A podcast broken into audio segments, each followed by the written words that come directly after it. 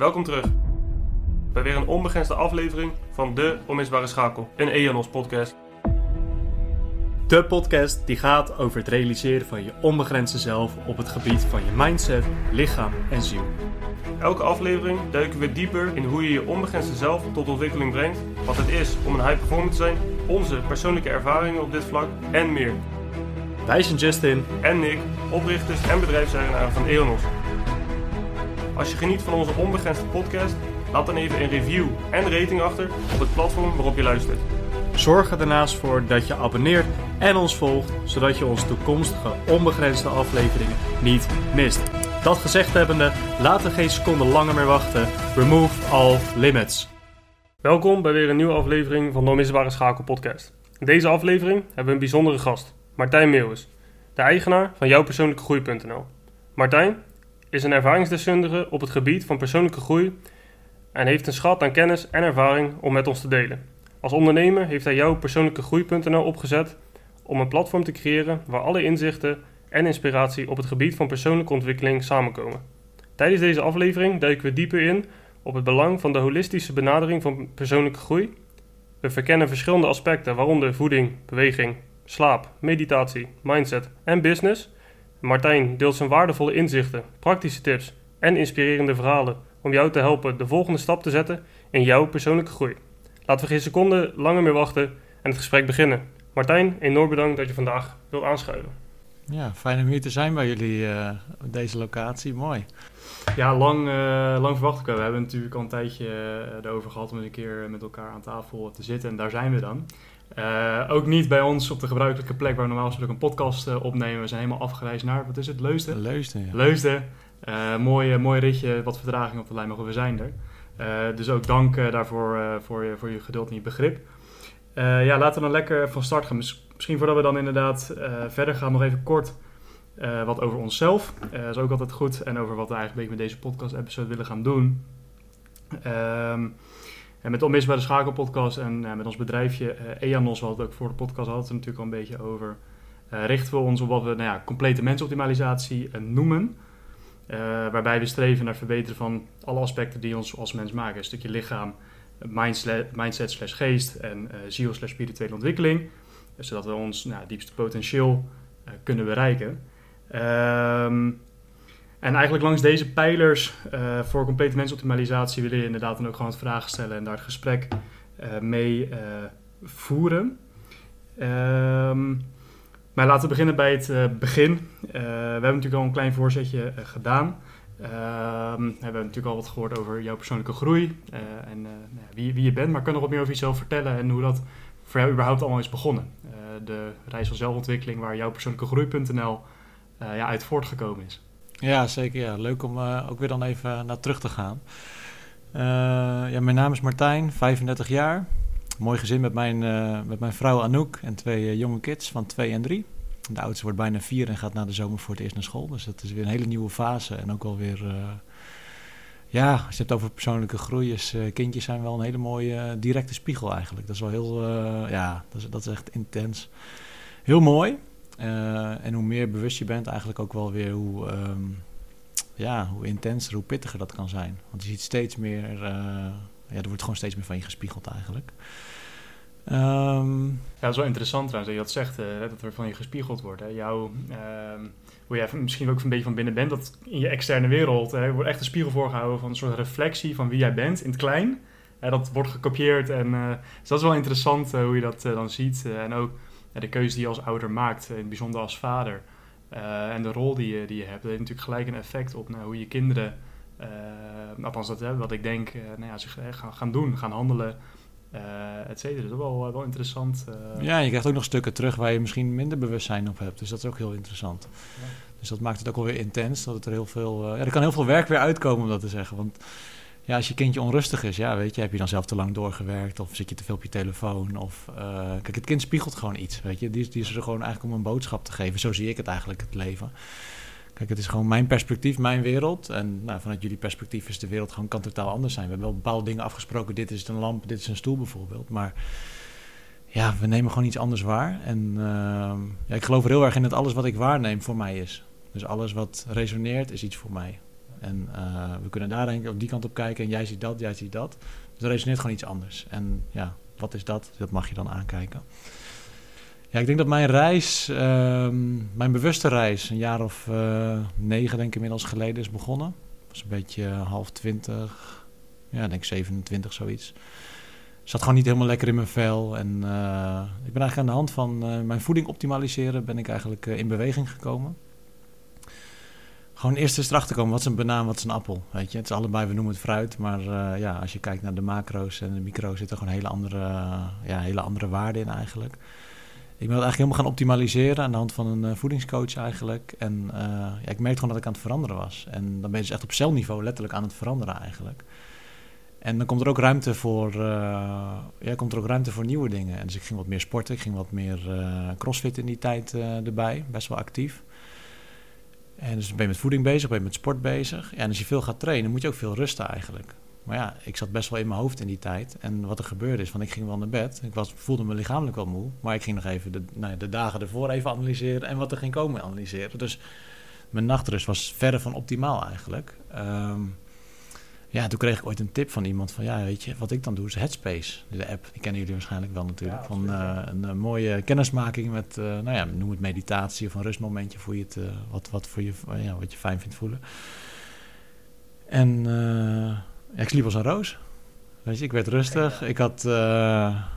Ik kon de gedachten laten gaan. Ik ging niet met elke gedachte het gesprek, dialoog aan eigenlijk. Dus ik kon het laten gaan. Dus ik ging eigenlijk zo onbewust eigenlijk mijn slaap optimaliseren. Ja, en dan uh, heb je al best wel wat grote stappen gedaan. Als je dan kijkt naar voeding, beweging en slaap, ja, dat zijn best wel drie grote pijlers eigenlijk. Uh, en om dat te veranderen, ja, moet je toch een bepaald iets in je mindset moeten wel zitten. Dat je ook wil veranderen eigenlijk. Dus dat je ja, uh, in ieder geval niet echt een fixed mindset hebt, maar dat je op een groeigerichte mindset hebt, dat je dat kan aanpassen. Ja, dan kom je al, denk ik, langs vier hele belangrijke pijlers eigenlijk, in ieder geval voor mijn leven. En in die tijd kreeg ik van mijn toenmalig directeur een boek um, van Jan Geurts, Verslaafd aan Liefde. Ik weet niet of jullie het boek ooit ja, gelezen hebben. Ik denk het wel een interessant uh, boek. echt, echt een aanrader, weet je. Als je ja, daar eigenlijk, weet, eigenlijk kom je erachter van... We nemen natuurlijk allemaal waar met onze zintuigen... maar eigenlijk zijn we dat allemaal niet. Maar we identificeren ons daar wel mee. Zelfs het lichaam, weet je, dat ja, is uh, ons voertuig. Maar dat, iedereen heeft een ander perspectief op, maar ik kijk er een beetje zo naar. En we kunnen wel gewaar zijn. Dus we kunnen wel um, de observeerder van het observeren zijn, om het zo te zeggen. Heel interessant. Ja, ik ga gelijk uh, helemaal aan. Uh, joh. Ik heb sowieso wel heel veel interessante dingen gehoord, maar misschien hier eventjes op, uh, op aanhaken. Ik heb zelf via meester Eckhart Tolle, maar even zo te zeggen. Ja. The Power of Now en New Earth heb je dat ook. ik kwam dat op een gegeven moment ook een beetje op mijn pad. ook wel interessant. Hè. Ik zeg dat ondertussen voor mij nu drie, vier podcasts achter elkaar, maar dat hoe die zelfontwikkelingsreis dan begint, is heel veel parallellen de mensen die dat tot nu toe gesproken hebben, allemaal een beetje zo'nzelfde soort punt. Van we zitten zit vast. Um, jij begon aanvankelijk specifiek met voeding optimaliseren. Anderen dan inderdaad dan eerst naar de gym. Uh, maar dan komt voeding eigenlijk al heel gauw uh, daarbij. En dan een stukje slaap optimaliseren. En dan vervolgens ook met mindset uh, bezig zijn. Um, ik had ook me gelijk iets over die micro's en die macro's. En wat je eet is wat je bent. is hoe je je voelt. Dus een stukje systeemtheorie. Oh, zometeen ook nog. Maar wat je zegt over dat observeren van, observeren van het observeren, een stukje bewustzijn ontwikkelen, uh, dat is het grote verschil. Nou, als, je het eenmaal niet, uh, als je het eenmaal gezien hebt, kan je het niet meer niet zien. 100%. en dan staat echt die, ik noem dat zelf dan altijd maar, dat is ook een beetje uit wat meer oudere literatuur ook hierover. De tempel of de deur van de tempel staat dan zeg maar open. En als je, daar kan je dan doorheen stappen en dan ben je gewoon op een andere plek. Ja. En is de wereld, je perceptie van de wereld is ja, eh, drastisch uh, veranderen. Heel interessant. Ik, ik, ik ga helemaal aan. Uh, maar laten we het lekker... mooie is gewoon, de wereld verandert niet. Maar jouw wereld is volledig veranderd. Exact. Maar er is niks veranderd. Weet je? Iedereen gaat nog naar, dezelfde, naar, dezelfde, naar hetzelfde werk, dezelfde gym. Of maakt allemaal niet uit. Maar jouw wereld is ineens gewoon helemaal anders. Je kan ineens... Uh, genieten van de zon, van, uh, van de glimlach van iemand. Of je loopt zelf ineens met een glimlach. Alles is anders als je dat van binnen naar buiten eigenlijk uh, gaat veranderen. Ja, mooi, mooi gezegd. Dus dat boek, ehm, ja, dat is ook wel interessant eigenlijk. Want dat boek kreeg van mijn toenmalige directeur. En ik zat ja, redelijk vanuit mijn hoofd eigenlijk, redelijk analytisch in de tijd. Ik wilde het graag goed doen. Dus omdat hij mij dat boek gaf, wilde ik dat boek lezen vanuit mijn hoofd. Maar dat boek heeft voor mij alles daarna veranderd om dus eigenlijk meer af te gaan dalen. Dus om meer van het rationele naar het voelen te gaan. Dus ik ben heel, heel blij dat ik, uh, eh, in het begin ga je een beetje verzetten. Vaak komt er een verzet van ja, ik ben helemaal geïdentificeerd met mijn ego en het ego is niet goed, dan krijg je dat. Ik hoor dat, dat hoort een beetje bij het proces. Ik denk altijd dat ik eerst een stukje bewustwording krijg, dan een stukje verzet. En dan daarna kan je het weer omarmen eigenlijk. En dan is het, oh, het is ook wel grappig eigenlijk dat mijn ego zo was. Want daardoor is wel die, beweging, die verandering eigenlijk in, eh, in beweging gekomen. Uh, omdat ik het vanuit mijn mindset dacht, of mijn ego, ik moet dat boek lezen, want hij heeft het aan mij gegeven. Dus ik moet het goed doen voor hem, dus ik moet laten zien dat ik dat boek heb gelezen. En dan met die inzicht is eigenlijk het hele, ja, is het balletje eigenlijk gaan rollen. Ja, kijk dit weg. En um, ja, dan ben ik de al een klein beetje kwijt. Maar op een gegeven moment ging ik zo lekker dat ik uh, nou, bij CrossFit ging goed. Uh, uh, van altijd een gewoon lichaam, om het zo te zeggen, naar een afgetraind lichaam gegaan toen. Um, veel met bewustzijn bezig. Ik deed een stilte retreat. En ik merkte steeds meer, er werden de vragen aan mij gesteld. Martijn, hoe doe je dit? Hoe doe je dat? Uh, hoe doe je dat dan met je... Wat is dan je onderhoud dagelijks? En uh, dat soort simpele dingen eigenlijk. Ik had ook een hele makkelijke vuistregel altijd. Om, uh, wat weeg je eigenlijk? Dus je vraagt het gewicht. En dan doe je per gram lichaamsgewicht is eigenlijk voor, de, voor de vetten. En 2 gram per lichaam... Sorry, 2 gram per kilo lichaamsgewicht aan eiwitten. En als je dat aanvult met koolhydraten, zit je al vrij goed eigenlijk. Is heel simpel eigenlijk, maar dus dat soort dingetjes had ik toen een beetje van, ja, weet je, ik heb gewoon een vuistregel. En als je daar een beetje naar gaat kijken, dan kan het ook voor jou werken. Ik dacht in die tijd ook wel dat, dat als het voor mij werkt, werkt het voor iedereen. Maar ik weet nu ook wel veel meer. Het is wel veel persoonlijker eigenlijk. Um, ik ben uh, ja, als marketeer opgeleid. Ik heb uh, mijn laatste vier jaar heb ik nog voor Mediamarkt Nederland eigenlijk als marketeer gewerkt. En op een gegeven moment zat ik dus één op één eigenlijk in, na, het, na de, uh, na de WOT in de CrossFit eigenlijk mensen wat uit te leggen. Toen dacht ik, hè, volgens mij kunnen we dit op een hele andere manier eigenlijk gaan doen. Weet je, ik kan dit verhaal kan ik nog een keer vertellen, nog een keer vertellen. Maar als ik dit nou in videovorm doe of in blogvorm doe, dan kan iedereen het lezen. En ook nog eens op het moment dat ze daar aan toe zijn. Dus als jij het intikt in Google, dan kan ik daar antwoord op geven eigenlijk. In plaats van dat ik nu tegen jou ga zeggen, je moet echt gaan mediteren man. En dan ben je er helemaal niet aan toe. Ja, wat dan? Dan, ja, dan is die behoefte er helemaal niet. Dus om die afwijzing eigenlijk te voorkomen, dat was letterlijk ook zo. Want op een gegeven moment had ik een documentaire gezien. Oh, dan moet je ook kijken, moet je ook kijken. Ja, helaas, zo werkt het niet. Nee denk van hoe kan ik het omdraaien? Dus ik moet het passief beschikbaar maken, mijn ervaringen. Dus ik, ja, ik noem me ook altijd ervaringsdeskundige, want ik ben gewoon het hele, of een heel stuk van het pad heb ik uh, gewoon lekker doorlopen en van genoten en deel ik graag op die manier. Ja, en in blogvorm is eigenlijk toen jouw persoonlijke groei.nl gestart. Dat heb ik gewoon lekker in de avonduurtjes naast mijn job bij Mediamarkt uh, Nederland eigenlijk gedaan. Waar ik ook offline marketeer was. Ook super interessant. Als je iets wil, dan kan dat gewoon. Dus ik was helemaal niet op. Ik denk dat het niet eens een goede opleiding is voor online. Maar als offline marketeer daar eigenlijk gewoon actief om dat te gaan doen. En gewoon alle info die er op internet was eigenlijk gewoon tot me genomen. En dat gemasterd. En ik durf nu wel te zeggen dat ik nu gewoon een online professional ben op dat gebied van marketing eigenlijk. En uh, ja, dus in de avonduurtjes. En toen kwam natuurlijk ook corona erin. Nou ja, voor mij eigenlijk een geschenk. Want uh, ja, je werd even uit het standaard ritme gehaald. Dus ik kon meer thuiswerken. Dus ik kreeg meer tijd. Ik vertelde je net al even, ik, ik woon in Leusden. Ik werkte het hoofdkantoor in Rotterdam. Anderhalf uur heen, anderhalf uur terug. Dus qua reistijd zit er drie uur in. Voordeel daarvan is wel dat ik uh, drie à vier, soms wel vijf podcasts op een dag kon luisteren. Dus ik heb super veel kennis in die tijd tot me genomen eigenlijk. Dus ik had super veel inspiratie om uh, ja, nieuwe blogs, nieuwe video's te maken. En uh, ja, dat groeide. En volgens mij binnen een half jaar of negen maanden hadden we ineens 30.000 bezoekers per maand. Die, die mijn ervaring aan het lezen waren en daarop reageerden en berichtjes terugstuurden. En toen dacht ik echt, nou, ik krijg er nu weer gewoon kippenvel van. Dat is gewoon, ja, wauw. Weet je, je kan gewoon echt iets creëren vanuit een gevoel dat je hebt, dan denk je van dit ga ik gewoon doen. Ja, dat, dat, dat, ja, we hebben het net al over magie gehad, maar dat is eigenlijk wel iets magisch. Ja, absoluut. Ja, ik vind sowieso wat je nu allemaal vertelt, uh, het is echt, kijk, ik herken uh, ook heel veel bij, bij mezelf uh, in, in dat opzicht ook. Inderdaad, dat je ook die frustratie weet van je wil heel graag mensen helpen, maar je kan op een gegeven moment daalt dan dat inzicht, die wijsheid in van ja, maar je kan iemand pas helpen op het moment dat iemand bereid is om jouw hulp te ontvangen. Ja. Je kan wel zeggen dat je die documentaire moet gaan kijken, maar dat komt pas als iemand daar klaar voor is. En dat heeft mij ook heel lang geduurd uh, voordat ik die frustratie soort van kon overwinnen. En dacht van, oké, prima. Uh, ik heb een bepaalde uh, stap wel al genomen en een ander nog niet. En dat is oké. Wie ben ik om te zeggen, je moet nu dit. wat je zelf zei, als iemand klaar ervoor is, dan kan het zelf passief beschikbaar maken. ik ben nu ook naast de Enos ook gewoon vaak wat dingen aan het opschrijven en zo. Met mensen in gesprek, ook in de sportschool.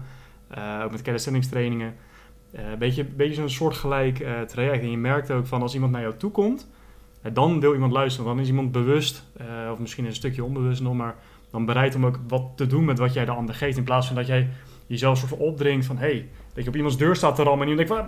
"Maar- die deur die moet dicht blijven. La- laat maar even, ga maar, ga maar weg. Ik, ik- En het is ook interessant om naar jezelf dan te kijken van waarom dring ik het op? exact, Weet je, het is ook heel vanuit ego natuurlijk, vanuit ego-bewustzijn. Het is heel interessant om te laten zien wat je allemaal weet.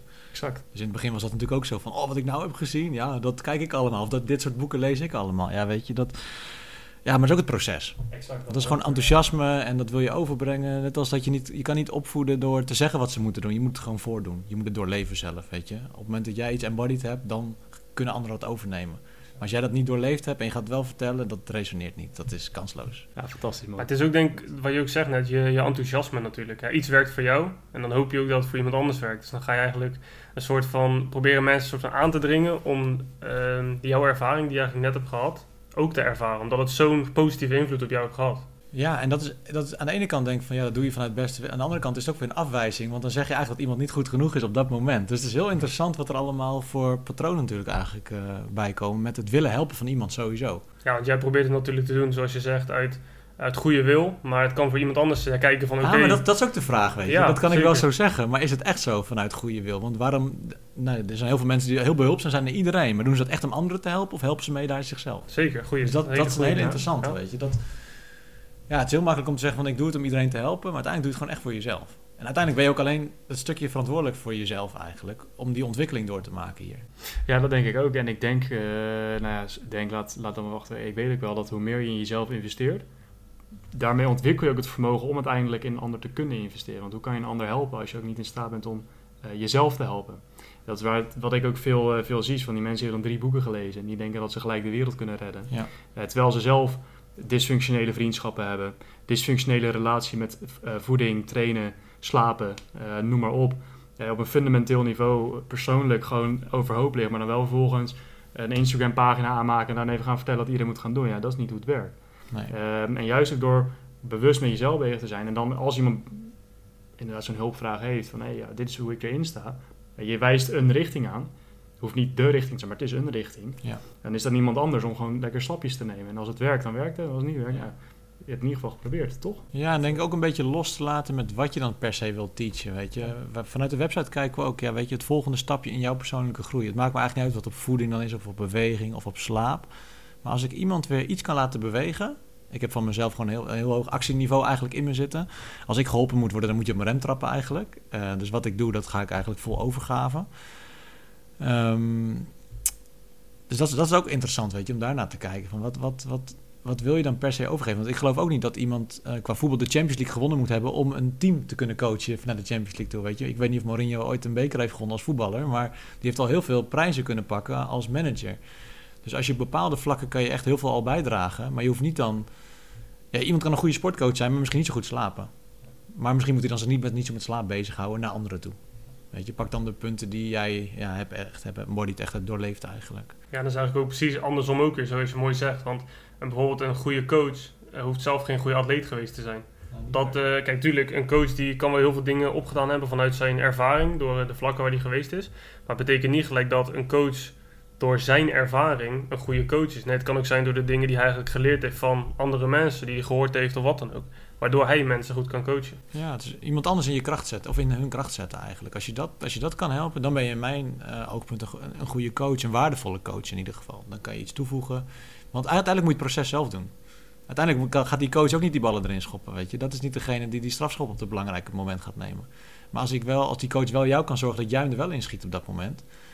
Natuurlijk kan je ook niet de hele erkenning helemaal teruggeven. Maar dat is het spel, denk ik, wat er is. Weet je, als je iemand, nou ja, weet je, naar je potentieel kan begeleiden eigenlijk, en, of kan guiden. Ik denk dat dat het, eh, ja, ik denk dat het mooie van het leven is eigenlijk, wat er kan gebeuren. Ja, want het is wel grappig ook, terwijl je dat net zegt. Want mijn coach die zegt ook altijd, ik kan je de trainingen geven. Want ik doe ook hardlopen op hoog niveau. Hij zei, ik kan je de trainingen geven. Ik kan je de voeding geven. Ik kan je eigenlijk alles geven. Maar wanneer, die, wanneer het stadschot afgaat, dan ben jij degene die het moet doen. Ja. Hij zegt, ik kan wel zeggen hoe het moet. Maar waarschijnlijk als jij, weet ik veel wat, op de 400 meter loopt vanaf van de 800. Dan weet jij waarschijnlijk hoe jij je voelt. Ik kan dat niet zien. Dat weet jij zelf of je aan kan zetten of niet. Dus Ja. dat is ook wel mooi dat je dat zo zegt. Ja. Ja, ik moest ook weer denken aan een ander mooi voorbeeld. Wat, eh, wat mijn vrouw eigenlijk uit een, eh, volgens mij uit een podcast of uit een boek heb. Eh, het gaat een beetje dan om het ouderschap, maar hetzelfde is dat natuurlijk met coaching. Je wil niet pas op voor dit, pas op voor dat. Je wil dus niet alles voor, voet, voor de voeten wegmaaien eigenlijk. Je wil meer als een Sherpa eigenlijk, wil je naar boven begeleiden. Dus je wilt faciliteren eigenlijk. Ik had ook gewoon nu weer kippenvel van, want volgens mij is het helemaal hoe het, hoe het gewoon is. En ook met coaching, je wil dus het faciliteren en eh, eh, een stukje dragen. In plaats van dat je gaat zeggen, je moet hier links, je moet hier rechts. Nee, je bent er gewoon bij. Je bent aanwezig en... Een soort van de eh, begeleiding eigenlijk zijn. Ja. Ja, maar dus niet eh, van nu links, nu rechts of Nee. zo. Of eh, ik, ik neem het wel voor je weg of ik poets de weg voor je schoon, weet je. Het is gewoon, ik ben erbij en we, we fixen het met elkaar. Dat vertrouwen, denk ik, of zo. Ja, ja Mooi, mooi, mooi metafoor. ja. Absoluut. Ja, ik, ik, ik, ik ervaar dat zelf eh, eh, ook wel. En dat is op zich eh, wel denk ik mooi interessant naar het volgende punt eh, te gaan. Hè. Je bent nu een bepaald eh, punt met jouw persoonlijke groei eh, ook.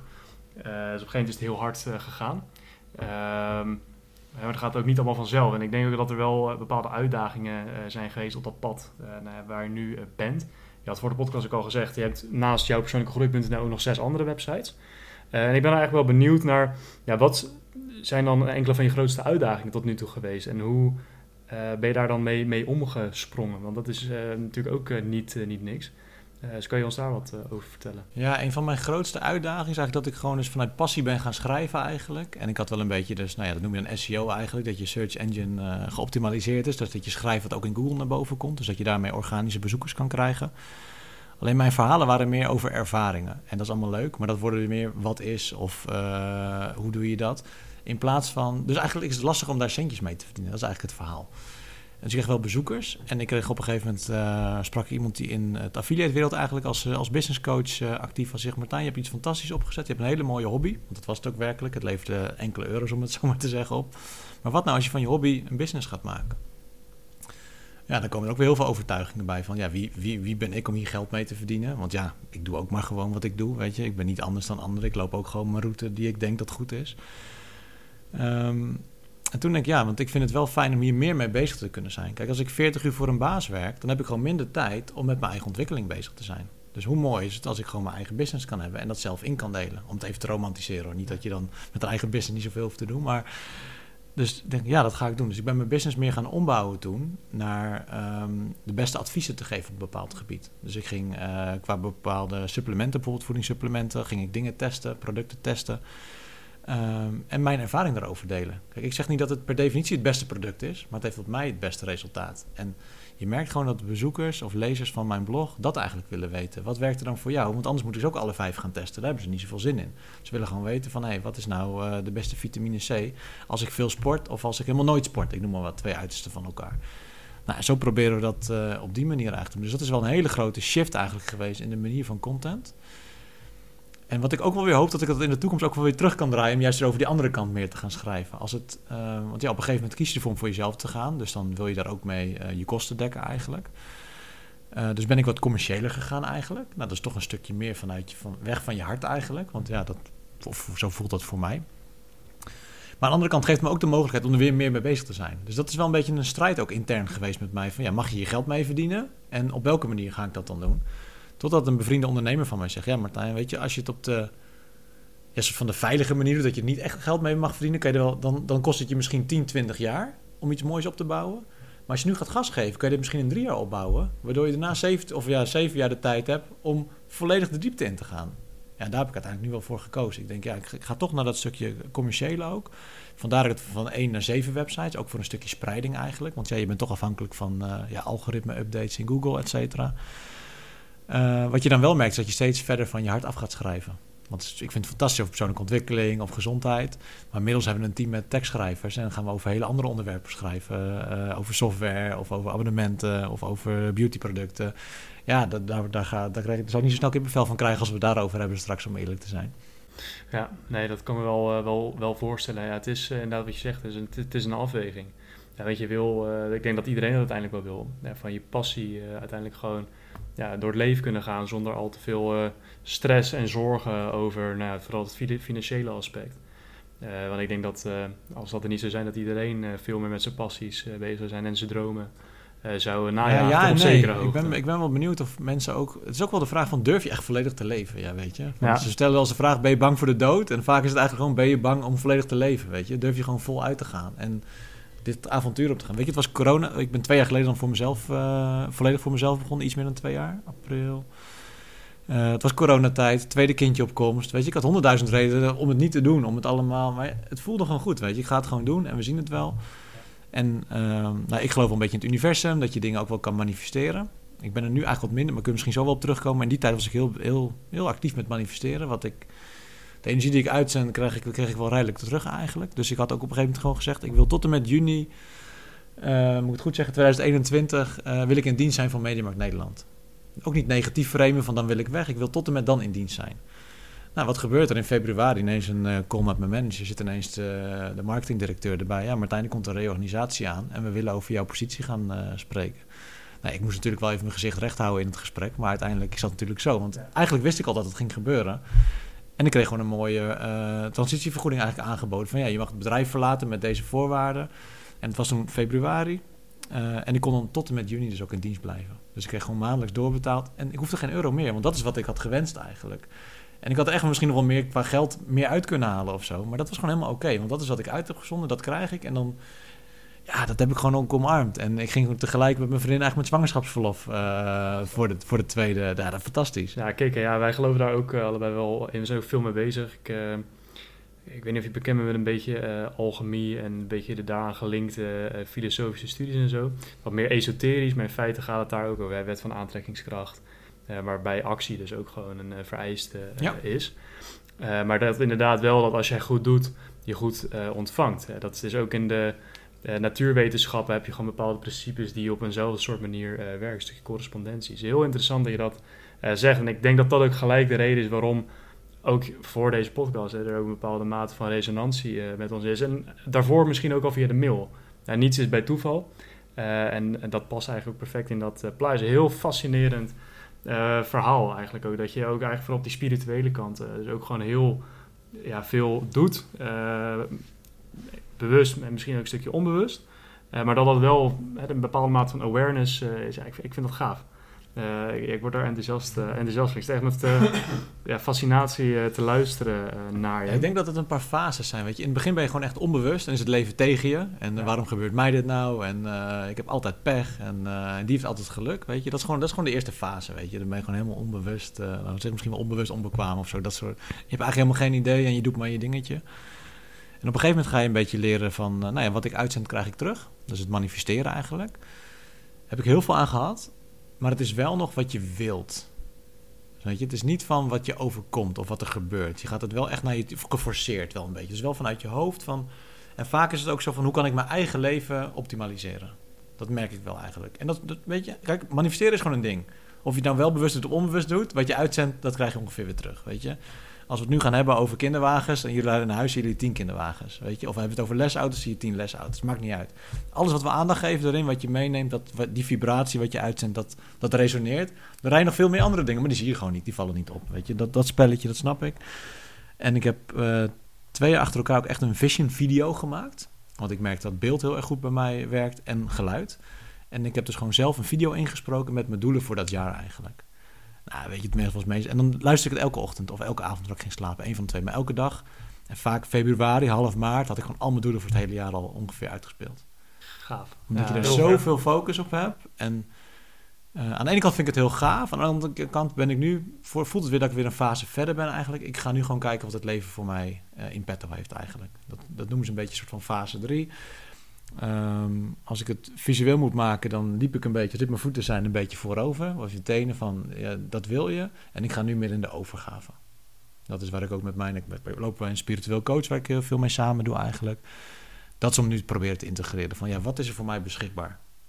En ik denk dat er nog een volgende uh, fase, dat heb ik ook wel eens gehoord, dat het gewoon echt, echt door je heen gaat. Dat je gewoon onderdeel bent van het geheel. Van het al. Van het ja. al, ja. ja. Inderdaad. Dus dat je daar bewustzijn op hebt, dat je dat ook echt bent. Ja. Ja, dat, uh, ja, ik ervaar het ook zo. Ik, uh, dan toch nog even terug te grijpen op uh, alchemie. ik, ben daar, ik ben daar veel mee bezig. En ik geloof ook dat, ik zie het bij jou eigenlijk ook, ook in dit gesprek zie ik dat terug. Begon met een stukje lichaam. en vanuit lichaam slaat over naar mindset. Dus meesterschap en cultivatie van het lichamelijke. Mhm. Zet de deur open naar mentaal. Ook een stukje meesterschap. je cultiveert ook Um, ja, alles wat op dat vlak komt. En daarna gaat die deur naar het spirituele open. Stukje manifestatie, maar ook overgave, surrender. Wat bijvoorbeeld die um, meester Eckhart Tolle ook zegt. Hè? Surrender to the now, overgave aan het nu. Het leven is ook nu hier. Er is geen ander moment waar je kan ervaren, eh, hebben, weten, zijn, eh, noem maar op. Ehm, en, en dat is een soort proces. Het is heel, eh, ja, heel erg fascinerend dat, dat, ja, dat we dat zo eh, hier, hier, te, hier te horen krijgen. We hebben het nog niet vaker gehad met andere mensen ja, waarmee je in gesprek gaan die eh, ja, zo bewust eigenlijk eh, dit, ja, dit, Zo dit bewust kunnen leven. vertellen. En zo bewust leven ook, ja. Ja, ik heb dus heel actief, vooral in de tijd dat ik dus voor Mediamarkt Nederlands, dat ik heel veel in de auto, heel veel theorie dus tot me genomen eigenlijk. Ik luister nu ook veel minder podcasts, weet je, want het is heel leuk om je helemaal vol te stoppen. Maar nu de theorie die ik daar wel tot me heb gehad, kan ik nu wel plaatsen van, ah, dat is die fase ben ik doorgegaan. Of waarom heb ik dit jaar eigenlijk geen fishing video meer gemaakt, weet je? Waarom, waarom, oh ja, en dan hoor je ineens van, oké, nee, er zijn een soort van vier fases. Ja, ik ben nu gewoon bij fase 3 aanbeland, weet je, dat is, dat is oké. En eh, ja, dan wordt het gewoon helder. Ja, sorry, ja, ik, ik, hoor, Ja, ik, hoor, ja. ik hoor vier fases. Ik ga helemaal aan. Hè. In alchemie heb je ook eh, vier fases. Ehm, die noemen ze de Nigredo, Albedo, Citrinitas, Rubedo. Nigredo is ook wel de ego-dood. Eigenlijk wat je ook zei. Een stukje dat je ook in het lichamelijke, eh, de, wat sommige mensen ook de matrix tegenwoordig noemen, vastzit. En daaruit Ja. wakker wordt. En je wordt je bewust van, wow, hè, mijn ego, ik, word, ik begin mezelf te observeren. Dat wat ik ben, eh, althans wat ik dacht wat ik ben, is niet wat ik ben. Maar ik ben hetgene wat eh, observeert. Of in ieder geval je... Ja, dat gewaarzijn waar we Het het begin... ge- het Jan gewaarzijn, Veers, precies. eh, ja. Dat is die Nigredo-fase. Eh, en dan ga je ook in die fase, ga je slechte gewoonten, slechte, slechte mensen, slechte vrienden, ga je steeds meer zuiveren. Je gaat bewust jezelf ontwikkelen. Ehm, ook in de alchemie is dat, ehm, is dat die fase. Dan heb je de albedo-fase, eh, het wit worden, eh, het zwart naar wit. Ehm, het licht, en je gaat de mooie dingen tot je nemen. Je hebt dus, dus de nieuwe gewoontes, nieuwe mensen begin je aan te trekken, nieuwe theorie, zoals je zei, de podcast, nieuwe informatie. Er is ruimte, omdat je afstoot, Ja. creëer je ruimte om weer te ontvangen. Nou, dat is fase, fase 3, citrine, dus het begint een beetje samen te smelten. Dan heb je wat minder van al het nieuwe nodig, wat je eigenlijk ook zegt. Eh, en je gaat het in jezelf beg- begint samen te brengen, te synthetiseren. Dan de volgende fase, de rubedo, ja, is de voltooiing van het grote werk. Dat is ook een magnum opus. Ehm, de verbinding met het al, top-down ver- verbinding eh, van het hoogste naar nou het, het laagste, om even zo te zeggen. Eh, en volledig in eenheid en verbinding. eh, fascinerend, echt gaaf. Ik, ik, hoor, ik hoor vier fases, ik hoor je verhaal zo aan. En ik denk, oké, ja, wat ik zei, heel erg... eh, Ik vind het ook interessant, want je, ja, mijn, mijn eh, stempel hierop zou zijn, je noemt, benoemt het nu meer academisch, om het zo te zeggen. Ja. Maar ik vind het wel leuk dat het zoveel overlap heeft, weet je. Ik, ehm, in het begin wilde ik ook zoveel mogelijk theorie eigenlijk eh, tot me nemen. Met misschien wel als doel om te laten zien wat ik wel niet allemaal wist, weet je. Gewoon vanuit, ik wil gezien worden en dat hele stuk natuurlijk wat eronder zit. En nu denk ik van, oh ja, wat je zegt, ja, weet je, de terminologie zou ik misschien niet zo gebruiken, maar het is, ja, dat voelt gewoon wat het is. Ja. Weet je, dat, dat, is, dat vind ik zo interessant nu tegenwoordig. Eerst heb ik misschien een beetje verzet. Ik denk, dit is gewoon in andere woorden wat ik net ook deels vertel eigenlijk. je. exact, Dit ja. is precies. gewoon zoals ik dat ook ervaar. En ehm, dat is ook het mooie. Iedereen kan het op een andere manier doen. Maar we hebben het eigenlijk allemaal over hetzelfde ongeveer. In, in feite Ja. wel. Ja, dat, en dat is zo mooi. In feite gaat het allemaal om hetzelfde. Het is maar net welk labeltje erop eh, plakt en eh, het woordje wat je gebruikt om iets te duiden. Want uiteindelijk probeer je iets te duiden wat een soort universeel eh daar gewoon eh, is. Eh, waar mensen van alle tijden, alle culturen, religies, weet ik veel wat, doorheen gegaan. Op hun manier een soort van proberen te hey, maar dit is... Hè, je probeert onder woorden te brengen. Iets wat je eigenlijk niet echt onder woorden kan brengen, dat probeer je toch. Eh, fascinerend. Dat is wel het, het precies dat laatste wat je zegt, dat om de woorden proberen te brengen. Want ik probeer, terwijl ik nu aan het luisteren ben jullie beiden, probeer ik eigenlijk mijn, zit ik mijn journey eigenlijk, zit ik helemaal weer na te kijken. Ik zie alles weer voor me. En het is ook precies wat je zegt, weet je wel, je bent, wat Justin ook zegt, je bent van het gedeelte van het ontkennen, naar het denken van oké, het kan ook zo, nou het is wat het is, nou oké, je bent één met het al. Eigenlijk zo, zo lijkt wel of heel die journey zo gelopen is, want vroeger ook, wat je eigenlijk zegt ook net, een soort het slachtofferrol, Ja. wat mensen proberen eh, te zijn van ja, ik ben zielig, maar wat je ook zegt, ehm, wat is ook in de Bijbel staan, ask and thou shall receive, weet je wel. Vraag en je zult krijgen. Als je maar vraagt, ik ben een slachtoffer, ik wil een slachtoffer zijn. Op een gegeven moment ga je het toch krijgen. Op een gegeven moment ben je het ook. Wat, eh, hè, zoals met, eh, Martijn zei, hè, wat je uitzendt, wat je, wat je ontvangt. Ja, fascinerend. Echt eh, kicken. Ehm, maar goed, ik wil toch ook weer wat meer over Ma- Martijn zelf gaan hebben. En dan eigenlijk een beetje langs die pijlers lichaam, geest, mindset. Eh, We zijn er natuurlijk al een beetje mee bezig. Maar ik vind het toch ook wel benieuwd, omdat je, je zei ook een stukje, een tijdje geleden alweer, ehm, het begon met jou, bij jou met voeding en lichamelijke ontwikkeling. Ehm, en dan ben ik eigenlijk wel benieuwd, hè, wat dan concreet op dit moment, als het gaat om het fysieke domein, om even zo te zeggen, het fysieke, aspect van jou. Ehm, en welzijn, wat, wat nu je doel is en waarom dat dan eh, specifiek eh, je- doel nu is. Ja, ik, heb, ehm, ik ben dus een tijdje bewust toen eigenlijk begonnen met sport, om het zo te zeggen. Ik voetbalde of tenniste altijd wel, maar ik was, dat deed ik niet eigenlijk om me beter te voelen eh, daarna of zo. Dus ik sportte niet om te leven. Toen ben ik een tijdje bijna gaan leven om te sporten. dus ik ging vijf, zes keer in de week crossfitten eigenlijk. Nou, dat is best wel actief. En eh, ja, ik voelde me ook, ik had ook denk ik wel een topsportlichaam ongeveer eh, op dat moment. Alleen het, het, het vervulde ook weer niet. Dus dat was ook wel heel interessant eigenlijk. Van ja, dit is het ook niet helemaal. En eh, toen werd Luca eigenlijk geboren, ons tweede kindje. Heb ik het even helemaal losgelaten. Weet je, ik kan ook gewoon all-in of niks eigenlijk. Dan, en ook niet één keer hard gelopen. En gewoon een half jaar gewoon echt niks gedaan. Gewoon echt, denk van, ervaar dit ook maar. Weet je, hoe voelt dit dan? En daar merkte ik wel een beetje van, ja, weet je, het is toch wel lekkerder ehm, eh, om lekker te bewegen. Om in ieder geval lekker te voelen, weet je. Je hoeft niet helemaal eh, afgetraind te zijn. Dat hebben we ook ervaren, was ook leuk. Maar en in de studententijd was misschien de andere kant met eh, de, de broodjes zwarma's en de Ja. weet je, drie, keer, drie keer in de week. Dus dat hebben we ook lekker ervaren om gewoon niet zo lekker erin te zitten, veel te drinken en zo. Dus ja, ik had weer twee uitersten eigenlijk. Ja, dan kan ik het weer naar binnen brengen van ja, wat voelt nou goed? En laat ik dan in ieder geval gaan bewegen of sporten om te leven. Ja. In plaats van het andersom weer te brengen. En ehm, nou ja, sowieso wandelen eigenlijk, want we hebben het wel gelijk over sporten, maar wandelen eigenlijk is al, eh, is, ja, weet je, ga elke dag een uur wandelen en je hoeft bijna niet te sporten. Dat is een beetje, dat, voor, voor, voor je fysiek, maar ook voor je mentaal natuurlijk, is dat al heel fantastisch om, eh, eh, om in beweging te komen. Eh, en momenteel train ik eigenlijk bij een, eh, bij een personal trainer met wat andere ondernemers. Ehm, op maandag train ik met één andere ondernemer en op eh, woensdagochtend eh, met twee anderen.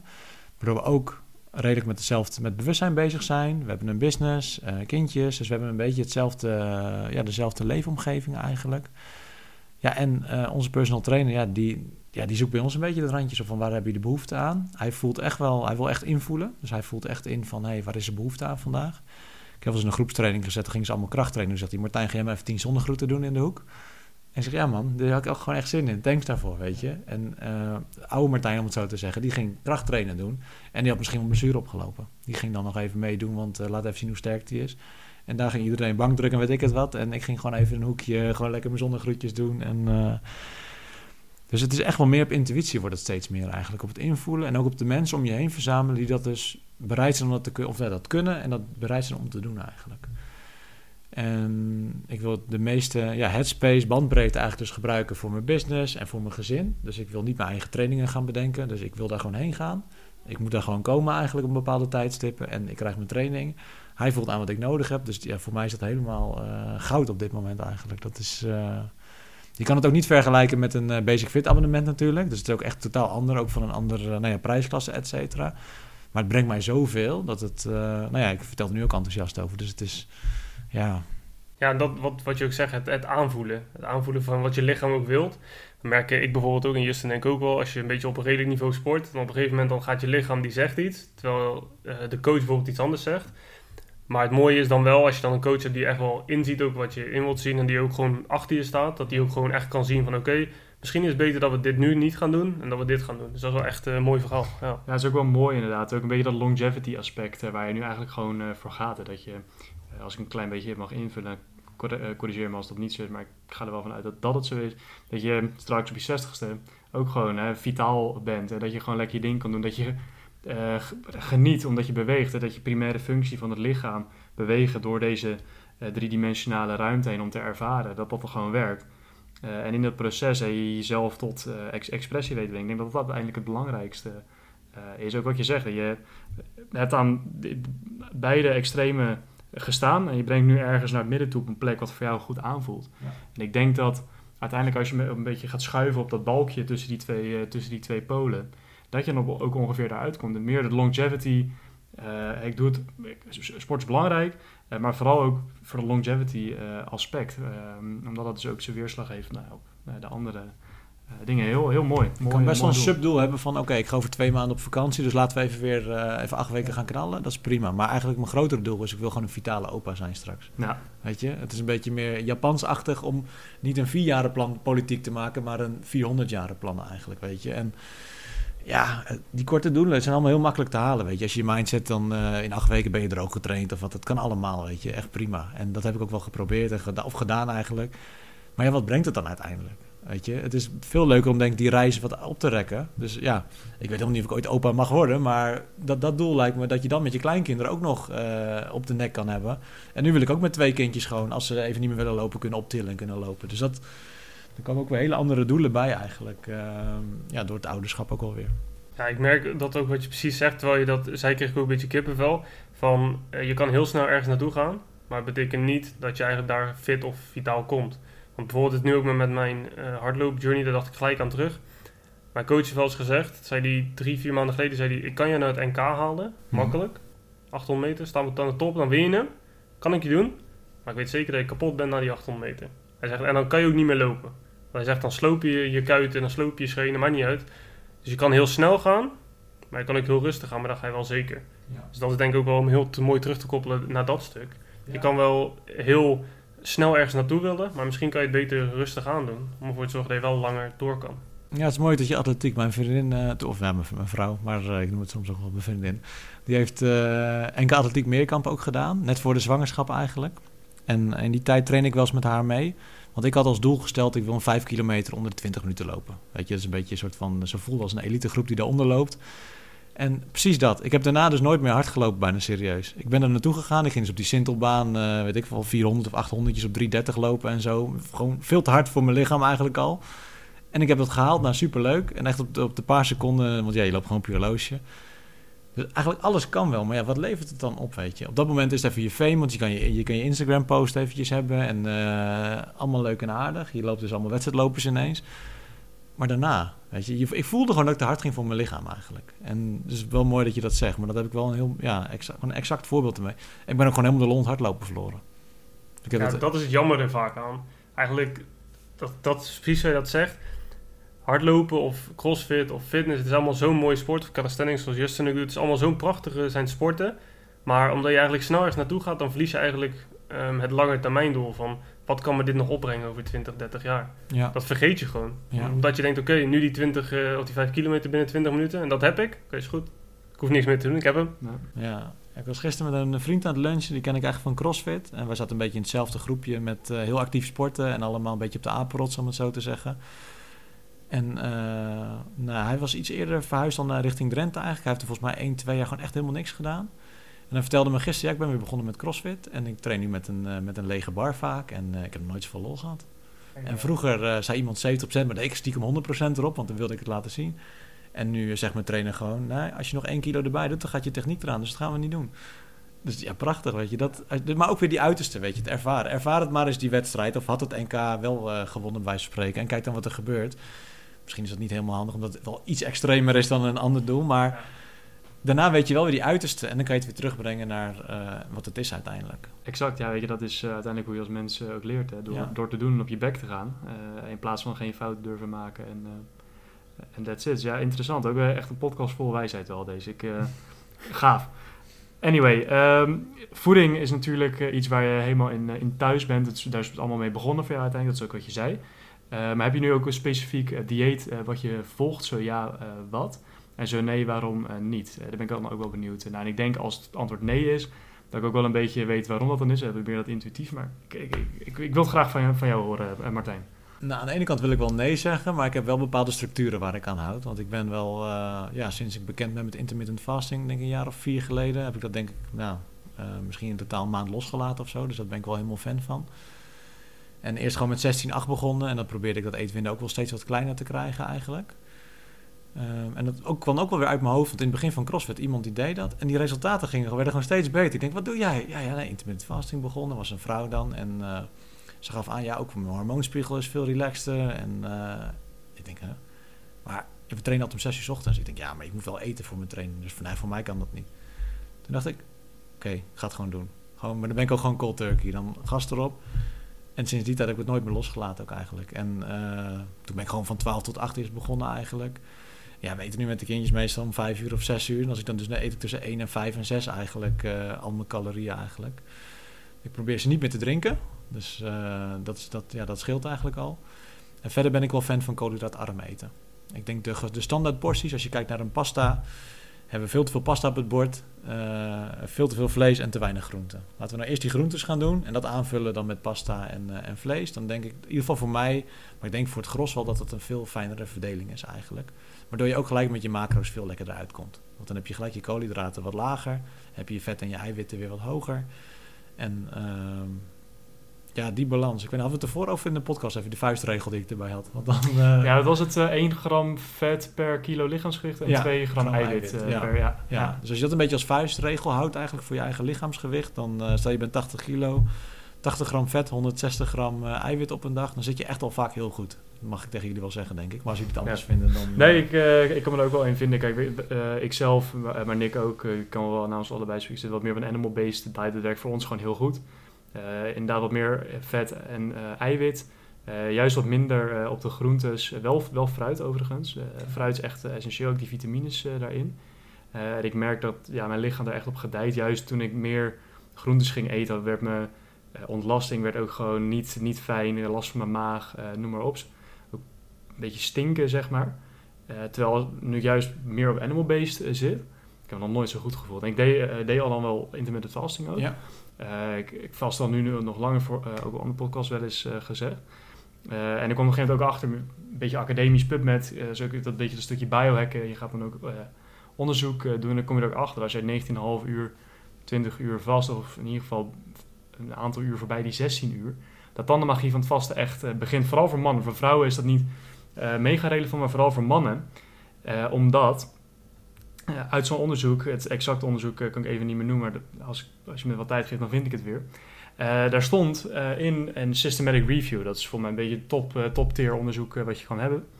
Eh, en daar stond in dat je een keer duizend of een duizend procent toename van de natuurlijke aanmaak van testosteron, eh, omdat je dan dat vasten zo lang eh, doet, omdat je dus ketosine eh, aanmaakt, eh, noem maar op. En dat is 19 uur plus. 19 uur plus. Ja, eigenlijk vanaf 16 uur komt dat stofje vrij. Als dat Ja. dus, hoe langer jij in, de, in die fase zit van ketosine, zeg maar, des te meer HGH, dus Human Growth Hormone en dus testosteron en alles, alle goodness eh, die je van HGH krijgt eigenlijk op een natuurlijke wijze gewoon enorm verhoogd. Je hebt helemaal geen synthetische testosteron nodig om je testosteron... Nee, dat is gewoon in, een beetje in de overeenstemming met hoe je lichaam werkt leven. Het is een soort principe, vuistregeltje.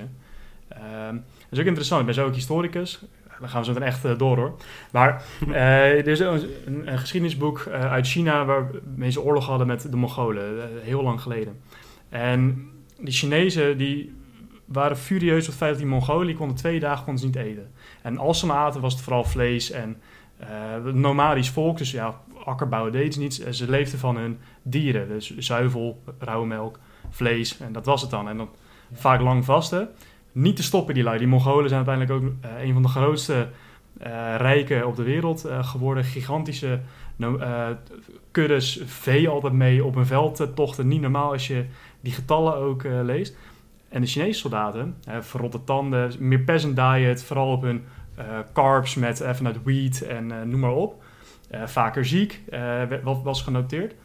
Ehm, en dus ook regelmatiger eten. En ik dacht, hé, hey, we hebben dus nu dat systematic review eh, over dat vasten, en met, vooral voor mannen, een soort testosteron. Ja. Eh, in combinatie dan ook met een beetje dat animal based. Ik dacht, hé, hey, ik, ik, heb- ik ga dit doen. En sinds ik dat ben gaan doen, alles. Met calisthenics is het niet normaal hoe die eh, prestaties dan eigenlijk vooruit zijn gegaan. Ten opzichte van het 16 uur vast. Want dat deed ik hier al voor dit, ook zo'n twee jaar al.